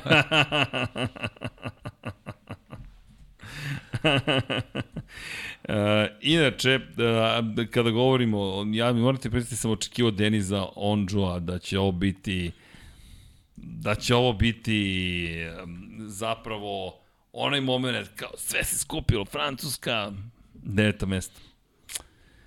Ali dobro, i dalje dobro, verujem. Da. I dalje verujem u gospodina Onđua na poziciji broj 6 u šampionatu, 42 pojene za ostaje za Gašijem. Ne vidim titulu, naravno, ali makar da vidimo tu pobedu, nekako mislim da bi bilo lepo. Inače, ostali, standardno za raspored za da Carlosa, taj šesti, peti Tatsuki Suzuki, najzad još jedna pristojna trka Tatsuki Suzuki bila mu je potrebna. Inače, Diogo Morira, ima tu još mnogo da se uči. Ali je brz. Ali je. Definitivno brz. brz. Sad, da izdrži čitav tempo u trci, ali kako je vozio na promenjivim vremenskim uslovima, da, da. kiša pada i ti vidiš Dioga koji je rekao, ovo su moji uslovi. I tačno, da nisu popadali svi onako kako su popadali, da su ostali na točkovima, staza bi se prosušila, on bi imao dovoljno veliku prednost i vjerojatno bilo, ok, Diogo je završio i tačno se vidi Jurnjeva, sad ću da vam pobegnem, sad ću da vam pobegnem dok još mogu da vam pobegnem, ali pohvale. I zaista, meni se možda da me samo kupio, ne znam nija zašto, Diogo Morira, ali pohvale. I završio je trku, 14. 14. ali završio da. na kraju. Ali malo mislim da su promašili u podešavanju motocikla, da su se kladili na to da će ponovo doći kiša, kiše nije bilo. Nekako mekano izgledao onaj motocikl. Tačno vidiš da gubi pozicije previše brzo, no, uči, deka, do, sve to pozitivno. Ja imam osmet na licu. Pa da, da, da. Pa, pa pazi, da MSI helmet nije, ne možemo da sada pričamo o tome, to kipa od koje ti očekuješ odmah pobedu. Inače, Ryusei Yamanaka, dobro trko odvezao Yamanaka, bio osmi klubski kolega, tako da ima tu, ima tu zaista nekih lepih momenta. E da, i bitan moment, John McPhee se vratio. Jeste. Predivno je bilo vidjeti ga na motociklu. 12. pozicija, 12. pozicija, ljudi, on je polomio dva pršljena kičmena, dakle, s kičmenog stuba, u padu između prve i druge trke sezone na, do, u pripremi za Indoneziju McPhee je pao s motocikla inače nikada ranije McPhee nije propustio trku zbog povrede na taj način. Imao je onu sezonu kada je u Australiji pao pa ostao mesecima u Australiji da se oporav, oporavlja posle pada na ostrovu Filipa. To je nešto drugo. Sada smo došli u situaciju u kojoj John McPhee nema ga na stazi posle takve povrede, ali evo, vratio se, od titule naravno da, da neće ničega biti, pitanje gde će nastaviti karijeru, ali ljudski gledano, ponovo je tu. Daniel Olgado inače napravio grešku, tako da tu nije bilo baš onih željenih rezultata, ali dobro, biće, uči Olgado. Još mi nije baš skroz kupio, moram ti priznam, ali čekam taj moment kada će Olgado kaže, ej, da vidiš zašto sam i kako svoju titulu u, u šampionatu sveta za juniore. Inače, za Alonso Lopeza nismo ispričali u Moto2 klasi, ali samo da napomenem, prošle godine oni Aldeger, vice šampioni i šampioni baš dominacija. Šampion bio Aldeger, Alonso Lopez bio vice šampion. Gledamo te niže kategorije u kupu talenata severa, zabavne trke, ne bih previše analizirao, pošto ćemo završiti tamo u 3 ujutro, ali eto, imate priliku i to da ispratite. I imamo još jednu kategoriju, kategoriju Moto E klase. Prva pobjeda u karijeri Matije Kasadeija, i prva pobjeda ove sezone za Dominika Egertera. Eri Granado, sedmi i peti. Deki, šta bi? Pa ne znam, to je ovaj baš baš čudno ovaj za njega bilo, ali generalno kad kad se vratimo ovaj na na Le Mans prošle godine, ovaj nešto je slično bilo u finišu trke, tako da ovaj očigledno da ova da ova staza što se tiče ovih električnih motocikala može da da donese ovaj neka uh, drugačije uzbuđenje, to jest malo neizvesnije trke nego što što su na nekim na nekim drugim stazama u šampionatu, tako da ovaj eto mislim ono malo malo iznenađenje, neprijatno ovaj nekonkurentnost Granada, ali ovaj sa druge strane to je dobro za šampionat. Tako da nemam ništa protiv što se mene tiče. N ništa protiv. Apsolutno No, ništa protiv. ništa protiv. Ovde inače proveravam samo da što se tiče Moto E prvenstva. Pa dobro, Italija, Holandija, u jedno čekam da ih vidim uživo, moram da ti priznam da vidim kako to sve izgleda. Finska, Austrija, Mizano, ako otkažu Finsku, to može da bude drama u celoj priči. Ali dobro, ajde da se nadamo da će ipak biti održano. Ej, pohvale za Hikarija Okuba. Okuba prvi put u karijeri na pobjedničkom postolju, u prvoj trci japanski vozač bio treći, u drugoj trci bio šesti. Inače, u prvoj trci Dominik Egerter pozicija broj 2. Međutim, ono što bih napomenuo u svemu tome jeste činjenica da smo imali jednu vrlo zanimljivu bitku za te vodeće pozicije. Inače, Jordi Torres super je prošao na kraju, baš ružan incident, situacija koju ne želite da vidite, Nikolo Kanepa pao je ispred njega, Jordi Torres prešao preko, preko butne kosti, polomljena noga, ali Torres je bio na zidu za drugu trku, gledao, posmatrao trku sa, i sa svojom ekipom i iz te perspektive super je sve prošlo. Zaista izgledalo veoma ružno. Inače, Matija Kasadej ove godine prešao u Pons Racing za koji vozi Torres, koji je dvostruki šampion sveta, čovjek koji je od, u tri sezone dva puta osvojio titulu ove godine, bojim se da sa ovih 20 bodova i 58 pojena za ostatka je odbrana titule završena de facto ali ok, najvažnije je da nije ozbiljnije povređen. Inače, Nikolo Kanepa bio treći u drugoj trci, Kasadej potvrdio dobru formu drugom pozicijom, ali eto, na, na, na, u samom trkanju Dominik Egerter meni uvek nekako moram ti priznati, bez obzira na neka Granada, čovek od koga očekujem najviše. Prosto iskustvo se vidi, vodi u šampionatu sveta u supersportu i s druge strane, evo sad vodi u šampionatu sveta Moto E klase. Kevin Zanoni bio četvrti u drugoj trci, pohvale, bilo lepo videti ih, prosto ispratiti kako se trkaju i to opet više krugova nego prošle godine, po dve trke po trci i tako dalje i tako dalje, ili jedna velika, velika nagrada Francuske. I još smo imali stunt ridera zvanog Jack Miller, oduševio se. Inače, Rade stunt, jao, pozdrav za Radeta našeg, Rade koji, spomenuo sam ga u prenosu i onda je stavio story zapravo na Instagram stavio, kaže, kaže headstand je sledeće. pa Rade, ako Jack Miller izvede headstand, uuu, bit će to prava. Bojim se da će u Ducatiju da se da porazboljevaju, ali to je ono što potrebno jeste šampionatu da imaš takvog vozača koji se vr... ali fenomen, to je RV Ponšaral rekao. E da, to nismo završili. Izvini, deki, samo kratko. RV Ponšaral koji je rekao, ljudi, apropo priča da će Jack Miller da dođe u ekipu. Jack Miller ima broj telefona Pita Bajrera. I rekao je, on je taj ko može da ga pozove. Mi za se ja se ne pregovaram, jer moji vozači su Raul Fernandez i Remy Gardner. A da li će neko dovesti Jacka Millera sledeće godine u ekipu? Ne znam, nije na meni. I tačno vidiš da, da eksplicitno govori to neko drugi odlučuje i ponovio pet puta moj, po neinsistiranje Da. novinarke, moji vozači su Remy Gardner i Raul Fernandez. Moji vozači su Remy Gardner i Raul Fernandez. Moji vozači su Remy Gardner i Raul Fernandez. Jedino što je rekao Dok da je... neko ne kaže drugačije. Tako je. Ali ono što je bilo e, zanimljivo reka, mada zanimljivo, teško rekao je srceparajuće da mi se ovako završi domaća trka, obojica pokraj staze, Remi je rekao mi nemamo pojma kako da napredujemo ovaj motocikl, jednostavno ne osjećamo Pa ništa. ne, teško je stvarno od, od Novajle očekivati da unapređuju motocikl. Zaista ne, je- ne, nemoguće. To je pre svega na Oliveri i Binderu. Koji ne rade taj posao dovoljno dobro. To je, ja stojim iza toga. Inače, Francesco Guidotti koji je bio u pramaku menadžer ekipe koji je stigao u KTM je još jedna veza to sa Millerom, a Miller je rekao, znate šta ljudi, ima tih ljudi što vole da pišu gluposti zato što moraju nešto da pišu otprilike, tako da bih ja podveo to po to. Još se ništa tu nije desilo, ali čim ima da ima, ima vatre i neko nešto spominje, priča, tako da ko zna šta će se tu desiti, ali da, RV Ponšaral koji eto, čeka da mu saopšte ko će voziti sledeće godine u njegovoj ekipi. A, Mi vas čekamo, evo, koliko je sati? Deki, 13 minuta, pitanje odgovori. Može? Može, može. Top. Evo, čekaj da, Ajmo da vidimo. samo da vidim da ja ne zaboravim nešto sam video ovde. Samo sekund.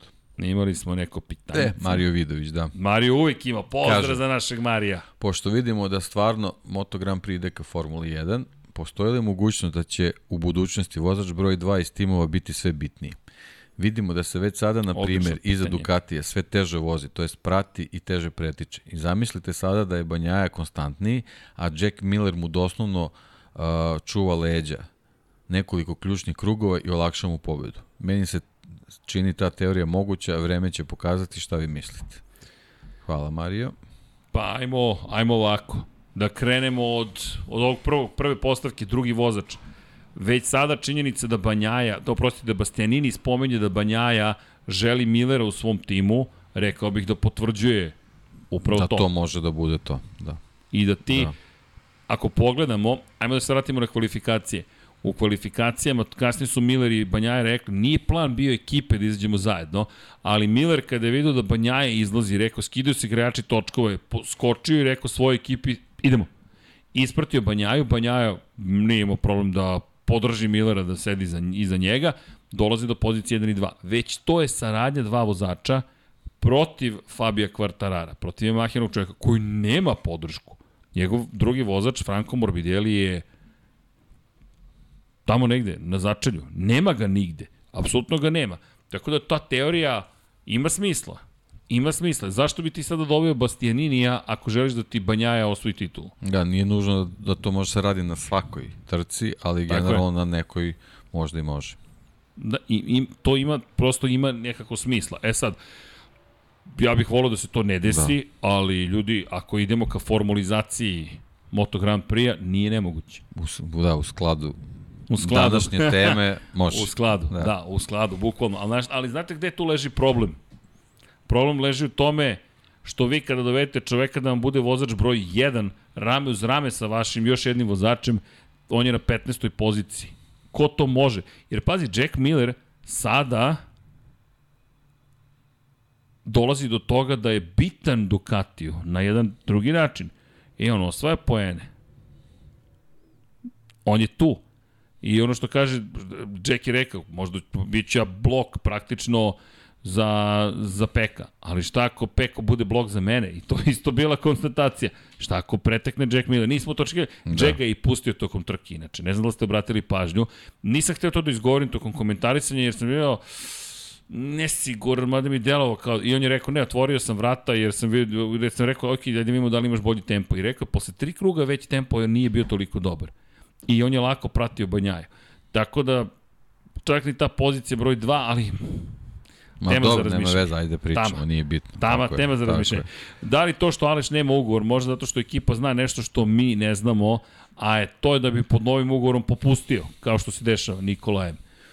Pa znate šta, možda, ali Ne znam, meni stvarno u ovom trenutku da u april i Alešu sad o takvim stvarima pričamo, mislim da nema potrebe, ne znam. ljudi, To je... ljudi, ako ništa drugo zaslužuješ, to je ono što Deki rekao, on ne mora ništa više da uradi za Aprilia. Ljudi, on je doneo Aprilia prvu pobedu u njenoj istoriji.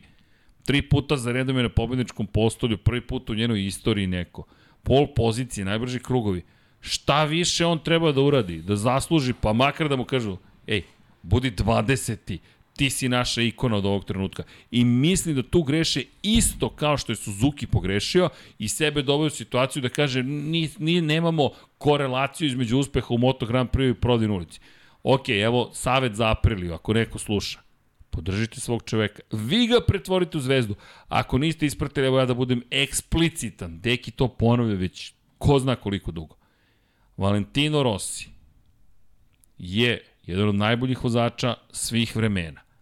Ali je Valentino Rossi jedan od najvećih biznismena Moto Grand Prix svih vremena. Ako mislite da su kačketi, kape, rukavice, šalovi, gaće, čarape, benkice, jakne, majice i ne znam šta sve. Rezultat toga da je došao neki Marsovac u Urbino, najpe, mada ne u Urbino, toliko koliko u Tavulju, i napravio celu fabriku, potpisao ugovore sa svim vozačima Moto Grand Prix-a, sa Yamahom i Dornom, Silno grešite. Taj vanzemaljac zove se Valentino Rossi. On je biznismen i on je znao kako sebe da pretvori u veliku ikonu. U početku je to bilo šala lala, šalimo se sa RTL-om, s ovim, s onim. Vremenom je to postao deo imidža. I ono što Deki objašnjava već duže vremena jeste, ja sam eksplicitniji, on je postavio mašineriju koja će da podigne tu priču na viši nivo. Što zbog sebe, što zbog drugih. Ono što je kod Valentina super bilo, nikad nije odustao od toga da to podeli sa ostatkom karavana. Dizao je ceo karavan, ne samo sebe. Da li mu je to bila racionalizacija njegovog ega ili nešto drugo, nemam pojma, ne znam da li će iko ikada objasniti, on sam jedini može to da kaže, ali to je mašinerija. Ljudi, to je mašinerija, to se nije desilo tek tako. Ja, što je super, ovaj Šeširić, ha, ha, ha. Taj ha, ha, ha, Šeširić da se proizvede, to traži da ga neko izdizajnira, da se odrede boje, da se odrede materijali, da se naruči, proveri, kontrola kvaliteta, ta, ta, ta, ta, ta, ta, ta, ta, ta, ta. On je postavio ceo taj sistem. Aprilia to ne zna da uradi. Suzuki ne zna kako da napravi od nekog, to ono što Deki upravo rekao, publika će reći ko je sledeća velika zvezda. Neće Gresini reći mi imamo veliku sledeću zvezdu, aj sada da napravimo veliku zvezdu od Enea Bestininija. Ne, oni to ne znaju da urade. To ono što Dorna nije naučila. Nije shvatila da je bog marketinga Valentino Rossi. Valentino Rossi, on čovjek, bukvalno, čovek, da su mu dali Petronasu da, da im uradi marketing, bolje bi prošli. Ali okay, to je neka druga priča. Point u celoj ovoj priči Aprilija mora sada da stane iza svog čoveka i da njega napravi super zvezdu, da izbacuje Aprilije koje su Aleš Espargaro specijal, da ona napravi kult ličnosti Aleša Espargara, da broj 41 nešto znači. To, to je posao Aprilije. Zato ta cela priča meni je velika greška i to ono što još nisu naučili, this is show business istovremeno, nije samo trkanje. Inače, Luka Đurović, u kojoj ekipi vidite Rinsa Millera, Mira, Beštiju, LCR-ove i Pramakove vozače. Da, da, evo Luka, vi ste postavili pitanje. Nemoguća misija. Ljudi, pogledajte koliko je to vozača o kojima mi diskutujemo, pri čemu Aleš nema ugovor. Pazi, i sad nastavlja čovjek. Idealno bi bilo Rins Yamaha, okej. Okay. Možda bi bilo dobro... Da... Ne znam što idealno. Da. Možda stil vožnje. Ali ja bih, ja bih volio da ga vidim iskreno na Ducatiju. Evo, iskreno da kažem, ja bih volio da ga vidim na Ducatiju. Ja bih to volio da vidim, iako je to jedini tim s kojim ne pregovara. KTM, ok, možda je on ono što je potrebno, mada ja pre vidim da će Pole Spargaro da se vrati u KTM. To je neko moje mišljenje. Vole oni te, taj reunion moment da imaju, ali vidjet ćemo. Franki i Raul satelitski tim. Franco Morbidelli ne ide nazad u satelitski tim, nema šanse. Franki će ili u neku drugu fabriku ili će u Superbike da se vrati u satelitski tim, teorije nema. Ljudi, to samo mi sa strane romantičarskim pogledom posmatramo, pratiš satelitski tim. Ne, ne, Franco Morbidelli jasno rekao, ja sam vozač fabričkih ekipa. I onda obori svoju vrednost na tržištu, na taj način kaže idemo u satelitski tim, ne. Pogotovo neki poučna priča Andreja Dovicioza. Andreja Prista koja idemo u satelitski tim Yamaha, ali pošto je to dobar motocikl, I šta će, ili neko od vas želi da angažuje Andreju Dovicioza? Gde vam je Dovicioza na spisku? Da, završena karijera praktično. Završena karijera. A mi Kol, ne znamo... Koliko smo se radovali povratno. Koliko smo se radovali. A da je seo na Apriliju, možda bi bilo bolje. Ali možda. Možda, možda je prosto Ili ispao iz forma. koliko smo kritikovali Rosija na... Tako na, je. Ne, sa, na, ne, na fabričkoj, na ne, ne fabričkoj, fabričkoj Yamaha. Ispade da Rossi da. mnogo bolji od ovih mlađih. Pazite ironiju. Mnogo bolji od ovih mlađih. A, ironija. Ali dobro, Pol i Ogura, LCR. Pol da ostane u Hondi, ja ne vidim to da će se desiti. Ni za Hondu, ni za njega. Ne vidim svrhu nastavka te saradnje. Zašto biste? Be, I drugo, zašto bi on prihvatio da ide u satelitsku ekipu? Ja mislim da i on traži malo ljubavi kao i njegov brat, to može da nađe eventualno u KTM-u, ali vidjet ćemo. Beštija fabrika Ducatija. Verovatno. E, nešto ću da kažem i sledeće nedelje, ne znam tačno šta. A, Boško, je li najavio Srki pobedu Kvartarara u Muđelu?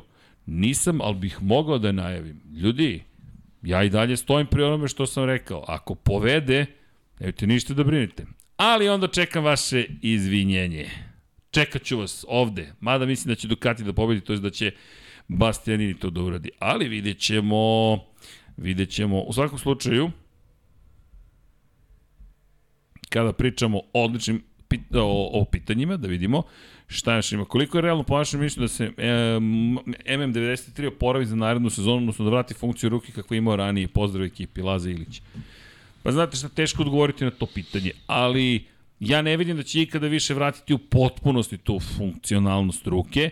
Međutim, to ono što je Deki rekao, oporavak nerava mnogo dugo traje. E, ne znam da li pratite karijeru Kenija Noesa. Kenny Noes je imao tešku povredu kičmene moždine i dugo nije mogao da hoda, Kenny je sada počeo da hoda. Za Kenija je uspeh kada hoda po pesku. Ja mu želim potpuno poravak, ali to traje preko pola decenije već. Kenny je sada došao do stadijuma da može da hoda po pesku, jedva.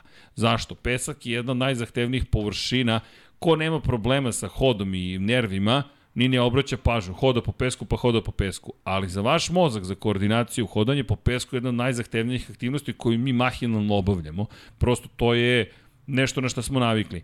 Za ljude koji se oporavljaju od povreda nerava, to je jedan od najtežih fizičkih zadataka, psihofizičkih zadataka. I koliko god Marquez radio, nije kao neka druga povreda, da vi time što radite brže se oporavljate. Da, ali brzina u ovom slučaju se meri nekim malo drugačijim mernim jedinicama. Nije sekund, nije minut, nije sat, nije ni dan. To su godine. Da li će on za 3-4 godine uspeti? Ja mu držim palče da će i brže od toga, ali vrlo, vrlo teško. Mislim da je ono što je njegov cilj da dosegne nivo poravka ruke u kojem može da bude konkurentan u šampionatu sveta, dovoljno da se bori za titulu prvaka i da bude da postane kontinuirani proces oporavka kako bi svaka sledeća sezona bila bolja. U suprotnom, njegova, njegovo trenutno učešće u šampionatu sveta za njega, po njegovim standardima, nema nikakvog smisla. Da on provodi vreme na šestoj i petoj poziciji, pozvaću se na njegov citat. Onoga dana, onoga momenta kada ne bude mogao da se borim za pobede, ja ću da se penzionišem. To je bilo lako izjaviti u momentu kada pobeđuje. Sada treba da se odrekne cele svoje karijere i on će da radi na tome bizarno je koliko postoji sličnost između njegove i Rosijeve karijere u suštini. Rossi je to isto radio, samo što nije imao povredu, nego se borio sa vremenom, kako da nađem taj delić brzine koji sam izgubio sa 40 godina, 35, 30, kako god. Kod Markeza je nešto drugo, ali manje više ista situacija. I on nešto pokušava da prevaziđe ne bi li se vratio na vrh. Tako da to, penzionisat se kad ne budem pobeđivao oprezno s tim izjavama. Ali, eto, potrebaće to. Da li ste možda upoznati, da li, u, pobeže mi pitanje. Da li sam možda upoznat, da li smo upoznati, ne znamo. Da, pa, pa, pa, pa, pa, pa, pa. Da li ste možda upoznati da li će Suzuki dalje da razvija motocikl do kraja sezone ili odustaju zbog povlačenja na kraju godine? Suzuki će Pa realno budžet je odobren, o, mislim, za ovu je. godinu, tako da... Već nastavio da, da radi da, te da, stvari. Da, da. Pro, prosto, oni su i sad... Vidjet ćemo na sledećem testu, pa da. ali mislim, mislim da, da nije, nije ta filozofija sad to sve ono gasi struje, motaju kablovi, mislim da će do, do kraja godine da, da odrade sve što treba. E, dakle, inače, moram da prokomentarišem, Boško, uh, Miller čuva leđe Peko kakav smehotres. Ne, Boško, to su njihove izjave. Dakle, ja mislim da ste neozbiljni, iskreno, i molim vas, shvatite ozbiljno što prenosimo. Dakle, nije to smehotres. Jack Miller je to izjavio. I Jack Miller je rekao, ja sam pustio Peka da povede ispred mene. Tako da molim da to ozbiljno shvatite. I sad pitanje je, ne smehotresno, fantastično. Molim vas i da poštujete ljude koji postavljaju pitanja. Mislim da nije prikladno da kao delovi zajednice govorimo ružno o ljudima. Nemojte da podsmevate se nikome. Svako ima pravo na svoje pitanje i svoje mišljenje. Ja vas zaista molim. To nije prihvatljivo za mene u Lab 76. Da se smijemo nekom jer ima drugačije mišljenje. Molim vas. To onda kod političara. U suprotnom, nemojte da se družimo. Zaista. I stojim pri tome. Ja se zaista izvinjam, ali takvog podsmeha, poruge ima previše. Ne dozvoljavam to. Svako ima pravo na svoje pitanje. Nećemo se nikome rugati ovde. I Mario, pozdrav. Pitanje je fenomenalno, pronicljivo pitanje i vrlo ozbiljno pitanje o kojem pričaju sami vozači. U krajnjem slučaju, Aleš Espargaro je otišao iz ekipe, jer je neko Andrej Janone u Davide Brivio konkretno u Suzuki dao ugovor u kojem piše da je on vozač broj 1. Tako da molim vas, ozbiljno ovo shvatite. Da li možete se upoznati, to smo odgovorili. Peko Banjaje i titula. Rekli smo, teško. Zaista teško. Ne bi ga nazvao Gravel Star. Mislim da Pa čovjek... treba serija da se desi. Tako a je. Ali Mi imamo koliko, je- 11-12 vozača od početka godine na, na podijumu. I tako je, imamo ih mnogo u i dalje. takvoj konstelacije računati na neke serije, to je, to je sad zaista jako teško. E, pitanje e, prostih za, za Stevie G, tvoj čovjek. Dakle, moramo.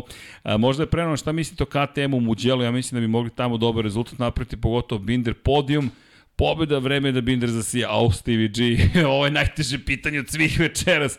Ja ne znam i dalje šta da mislim o KTM-u. Zaista ne znam šta da mislim o Opet KTM-u. ćemo da gledamo u nebo i kako vreme bude bilo. Od prilike na to se... Evo, Oni već mnogo vremena nazad, kad su idealni uslovi na stazi, ali deki, ne ide. dve stvari koje su se desile. Pole Spargaro na trećoj poziciji u Kataru. Na poziciji broj 2 Brad Binder. Od tog momenta njih dvojice više nema. Šta je to što se desilo? To moram da pitam nekoga. Zašto ste u Kataru bili tamo gde ste bili? Sada već imamo sedam trka podataka, a nema vas nigde u nastavku i zašto ste bili toliko brzi Miguel konkretno po kiši, što ti kažeš gledamo u nebo otprilike da bismo videli Miguel Oliveira. Ne znam mislim da ne mogu da odgovorim na to pitanje. Ne umem da razumem KTM. Uh, Master Rima, kako je moguće da neko od nas dođe da bude uživo publike, da li postoji mogućnost da se kupi stvari sa sajta kod vas u studiju? Master Rima, pišite na Instagram, najbolje je nalog Infinity Lighthouse. Što se tiče posete, možete dođete da, po, da posetite. Evo, danas baš nema nikoga. Redko je, redko je prazno u poslednje vreme, ali danas baš nema nikoga.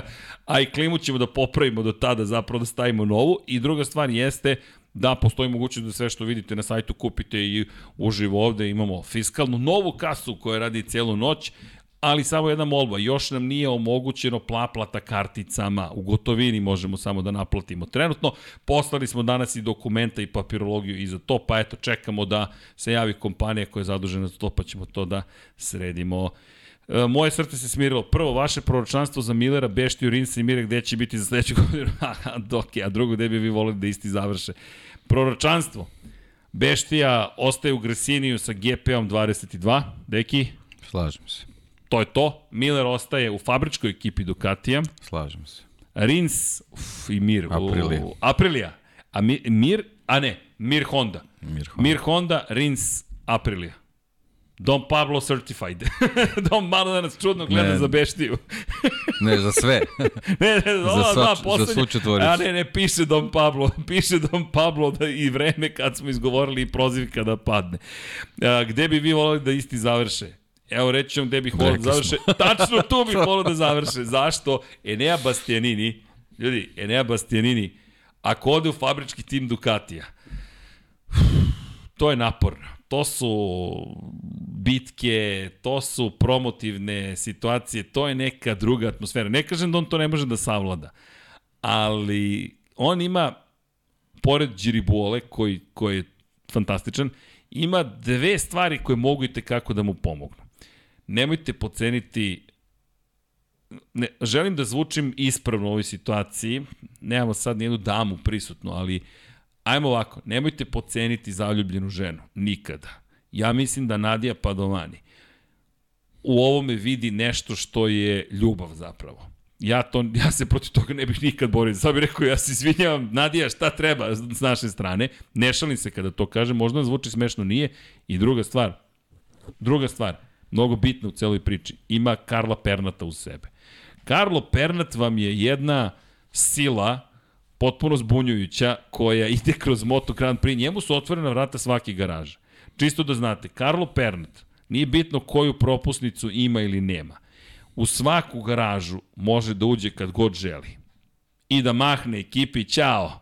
I niko se ne žali. Samo se rukuju svi sa Karlom i Karlo ima svoju priču. Čovjek ima svoj podcast uz šampanjac. I čovjek je potpuna legenda.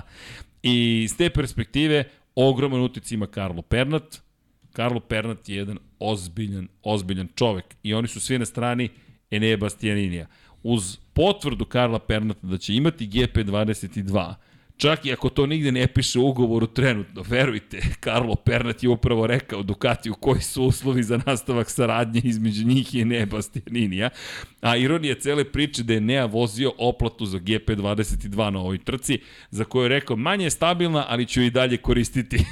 Tako da, mislim da Enea u toj situaciji može da postine zaista mnogo toga lepog i eto, to su neke, a Rins, da, može, može, može. I jao, Dom Pablo me podsjeća, deki, kakav si bio u fantaziju? Taman da se oprostimo Nikakav. uz fantaziju. O, to mi reci, ja sam nisam bio loš. Čekaj da vidim, 229. mi je rang. Opa, u prvih sam 300 od 400. Žalim se. Nije, ima nas pre, skoro 900. Ali, opa, Mane DC vodi trenutno. Team Music, Moto Voždovac, Zigili Migili, Emin Subašić, Zigili Migili, pazi, to je na nivou, mazite se, pazite se.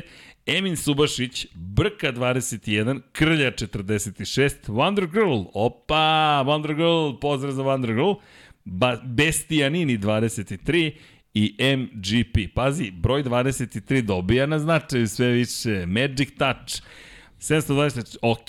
Da vidimo da li ima još nekog. Mada, koga bih istakao na ovom spisku, MGP još nije upotrebio ni jedan 300V boost.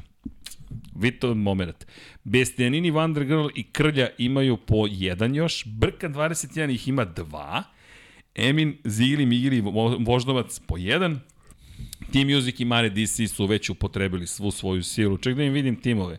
Mare DC, Banjaja, Miller, oj, Banjaja po povredi. Mark Marquez i Enea Bastianini. E, ko je tebi sad u timu? Znaš ko je meni? Ja nisam menjao od prošlog puta ništa. Meni su Fabio i Alex. Meni su Miller, Rins, Ducati. a, Vinales i Dovicioza. o, O, to mi stoji već dve, tri trke. Dobro, sam ne ruke, odustaješ. pripremam se za novu za sezonu. novu sezonu. Da. Okreć, okrećem se obavezama u Ligi šampiona. Opa, ozbiljna situacija. Inače, meni Fabio Rins, Ducati, Beceki i Bastianini. Samo mi je Beštije bio srebrni vozač ovoga puta. Jao, Alex, ajmo, Alex, možeš ti to. Ali dobro, nije loš Alex, naprotiv. Mada, Aleš Espargaro, skočila mu vrednost, otišla na 3,9 miliona. Ne možeš sad, ne možeš, ne možeš dobiješ, vredi više od Bastianinija, još uvek. Kupujte dok možete i tako dalje. Gde nam je koleginica iz prodaje? Ček da vidim, je ona igra uopšte? Ne vidim koleginicu iz prodaje. Izgleda ne igra. Dom Pablo nije igrao ni ove godine, ali ne veze. Ali dobro, koleginica iz prodaje nam je među koliko prvih 40 u MotoGP-u. U Formuli 1. Kuku. Fantasy. Da im, u, ima još pitanje, čekajte. Hrk 20, 25, Hrvatski kune, Marko Pavić, pozdrav, hvala vam za donaciju. Je li KTM pogrešio što je pustio Lekonu? Dečko je prvih šest trka od 36 skupio četvrtinu bodova koje je Bautista skupio prošle sezone na Hondi. Nije pogrešio, učinio mu je dobro delo. Tako je, to je Uslugu mu je Bravo, učinio. to je perspektiva prava. Jer pogledajte sad ovo, da li mislite da bi Lekona na KTM-u bio bolji od Olivira ili Bindera? Taj motocikl je pff, problematičan. A sada Lekoni skače. E, ali hvala Marko, sjajno pitanje. Sjajno pitanje. A Iker Lekona je dobar vozač. Zaista dobar vozač. U Moto dvojkama imao je par momenta koji su bili zaista impresivni. Hvala još jednom za donaciju. Da, to, i to sam, jesam ja to propustio donaciju? Jesam, hvala Dom Pablo. Dom Pablo, tu je gospodin, možda ćemo da promašimo u koji, koji ćemo stream da se uključimo, ali ćemo da ispratimo sve što vi kažete, tako da Dom Pablo uvijek volio publiku, nas, ah, mora da nas trpi, ali šalim se, šalim se kolega, to je samo šala, nedostajali ste nam. Gde ste vi ovih nedelja? Samo dnevna smena, ništa ova noćna smena. Dobro, dobro, to je zbog teretane. to je zbog teretane. Da, inače, danas, da ne spominjem čoveka, sreo sam čoveka koga nisam video šest godina ili sedam, ima 63 kg manje, super fit, nisam ga prepoznao i rekao sam, ok, ovo je inspiracija, hvala Dom Pavlo, hvala, shvatio sam sve, skinut ćemo ovaj oblog od 20 kg. Koji se ne vidi, vidi ja. Gde se Moram moj, da promenim gde se moj ne vidi poziciju. Ne, ali Dom Pablo, Kako alo, sedim. alo, gospodine, ja se izvinjam, pa nije, o, ispravite kičmu. Šta ti je puca kajš dole, ali dobro, bar smo zdravi. Čekaj da vidimo, Dom Pablo, Šta mi piše? Aha, šaljite mi screenshot koleginici iz prodaje. Koleginica iz prodaje, nije tu, ne možemo da je prozivamo, ali da vidimo, Lab 76, jao, kad dođe sutra na posao, 429. je, ha, ha, ha, ha, sam negde najbolji, sa svojih 220 poenčića. Elem, to bi bilo sve što se tiče e, večerašnjeg druženja. Dom Pablo, je li živa muzika? Šta kažete? Da, ako se zamrznem, imajte razumevanje za nas. To znači da smo tu negde, ali se sam zamrzao kadar, tako je bilo malo pre, pa smo morali da resetujemo. Deki je najzad dobio priliku da nešto i kaže u tom trenutku, ja sam morao da računara tamo. ali nasmio sam Dekija ponovo. Ok, ljudi, ja se nadam da ste uživali, nadam se da mi je bilo zabavno i lepo. A, ovo je uvodna šprica. Pa ne, Dom Pavlo imamo drugu muziku. Ja, pa ne, ovo ne, ovo ne verujem, gospodine. Ovo je uvodna, daj, ima još jedna muzika, dajte, molim vas, uzbiljite se, kolega. Uh, ali ako nema, puštajte tu krug. Tako je, Dom Pavlo, idemo! Tan, tan, tan, tan, tan, tan, tan.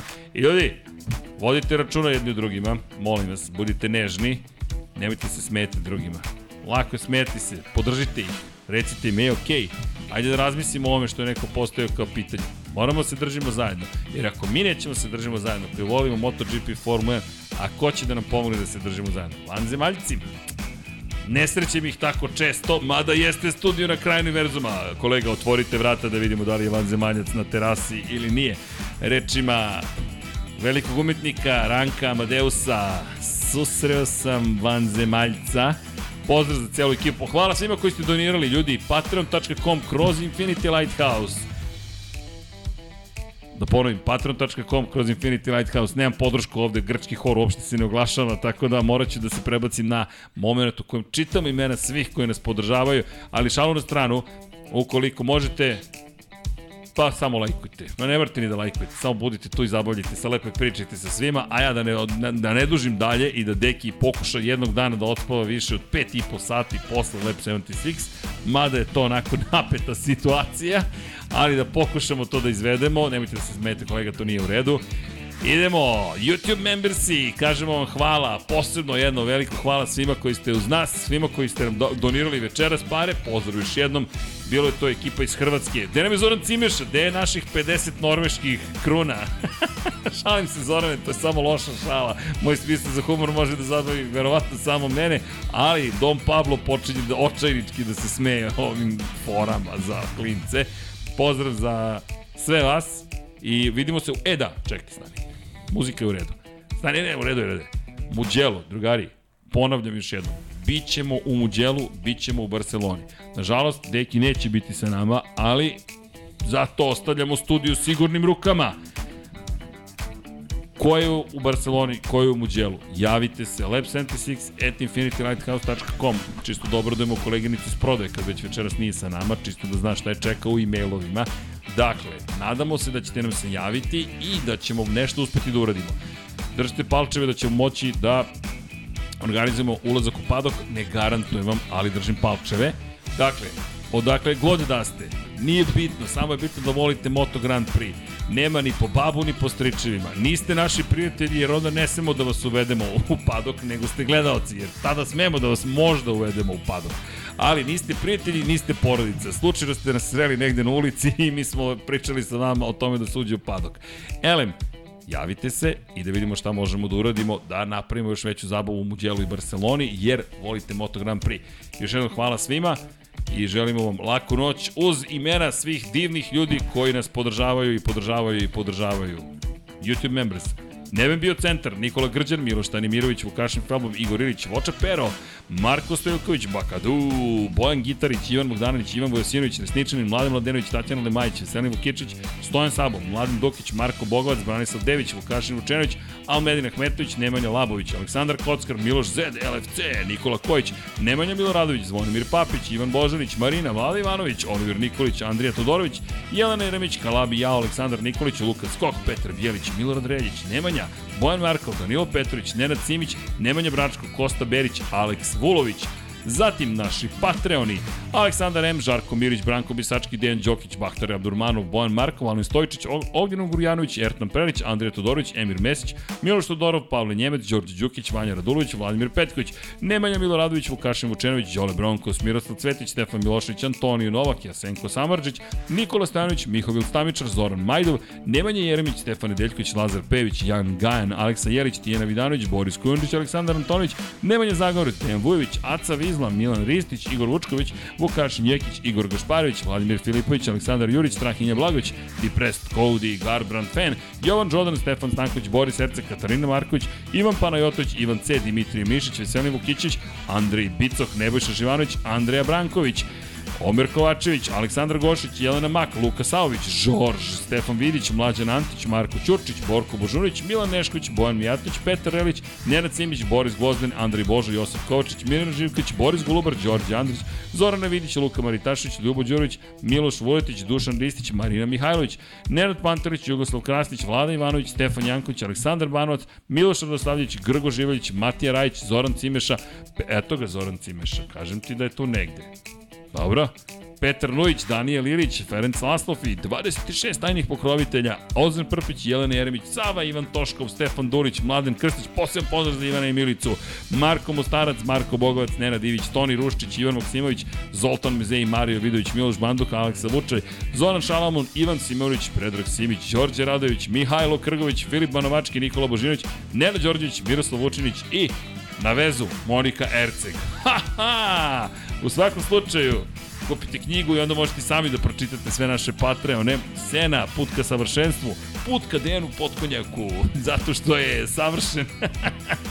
Nasmejao sam ga i u tom momentu je vreme da se isključimo dok je raspoloženje na najvišem mogućem nivou. Dragi drugari, hoćemo. 1, 2, 3. Ćao, Ćao svima. svima.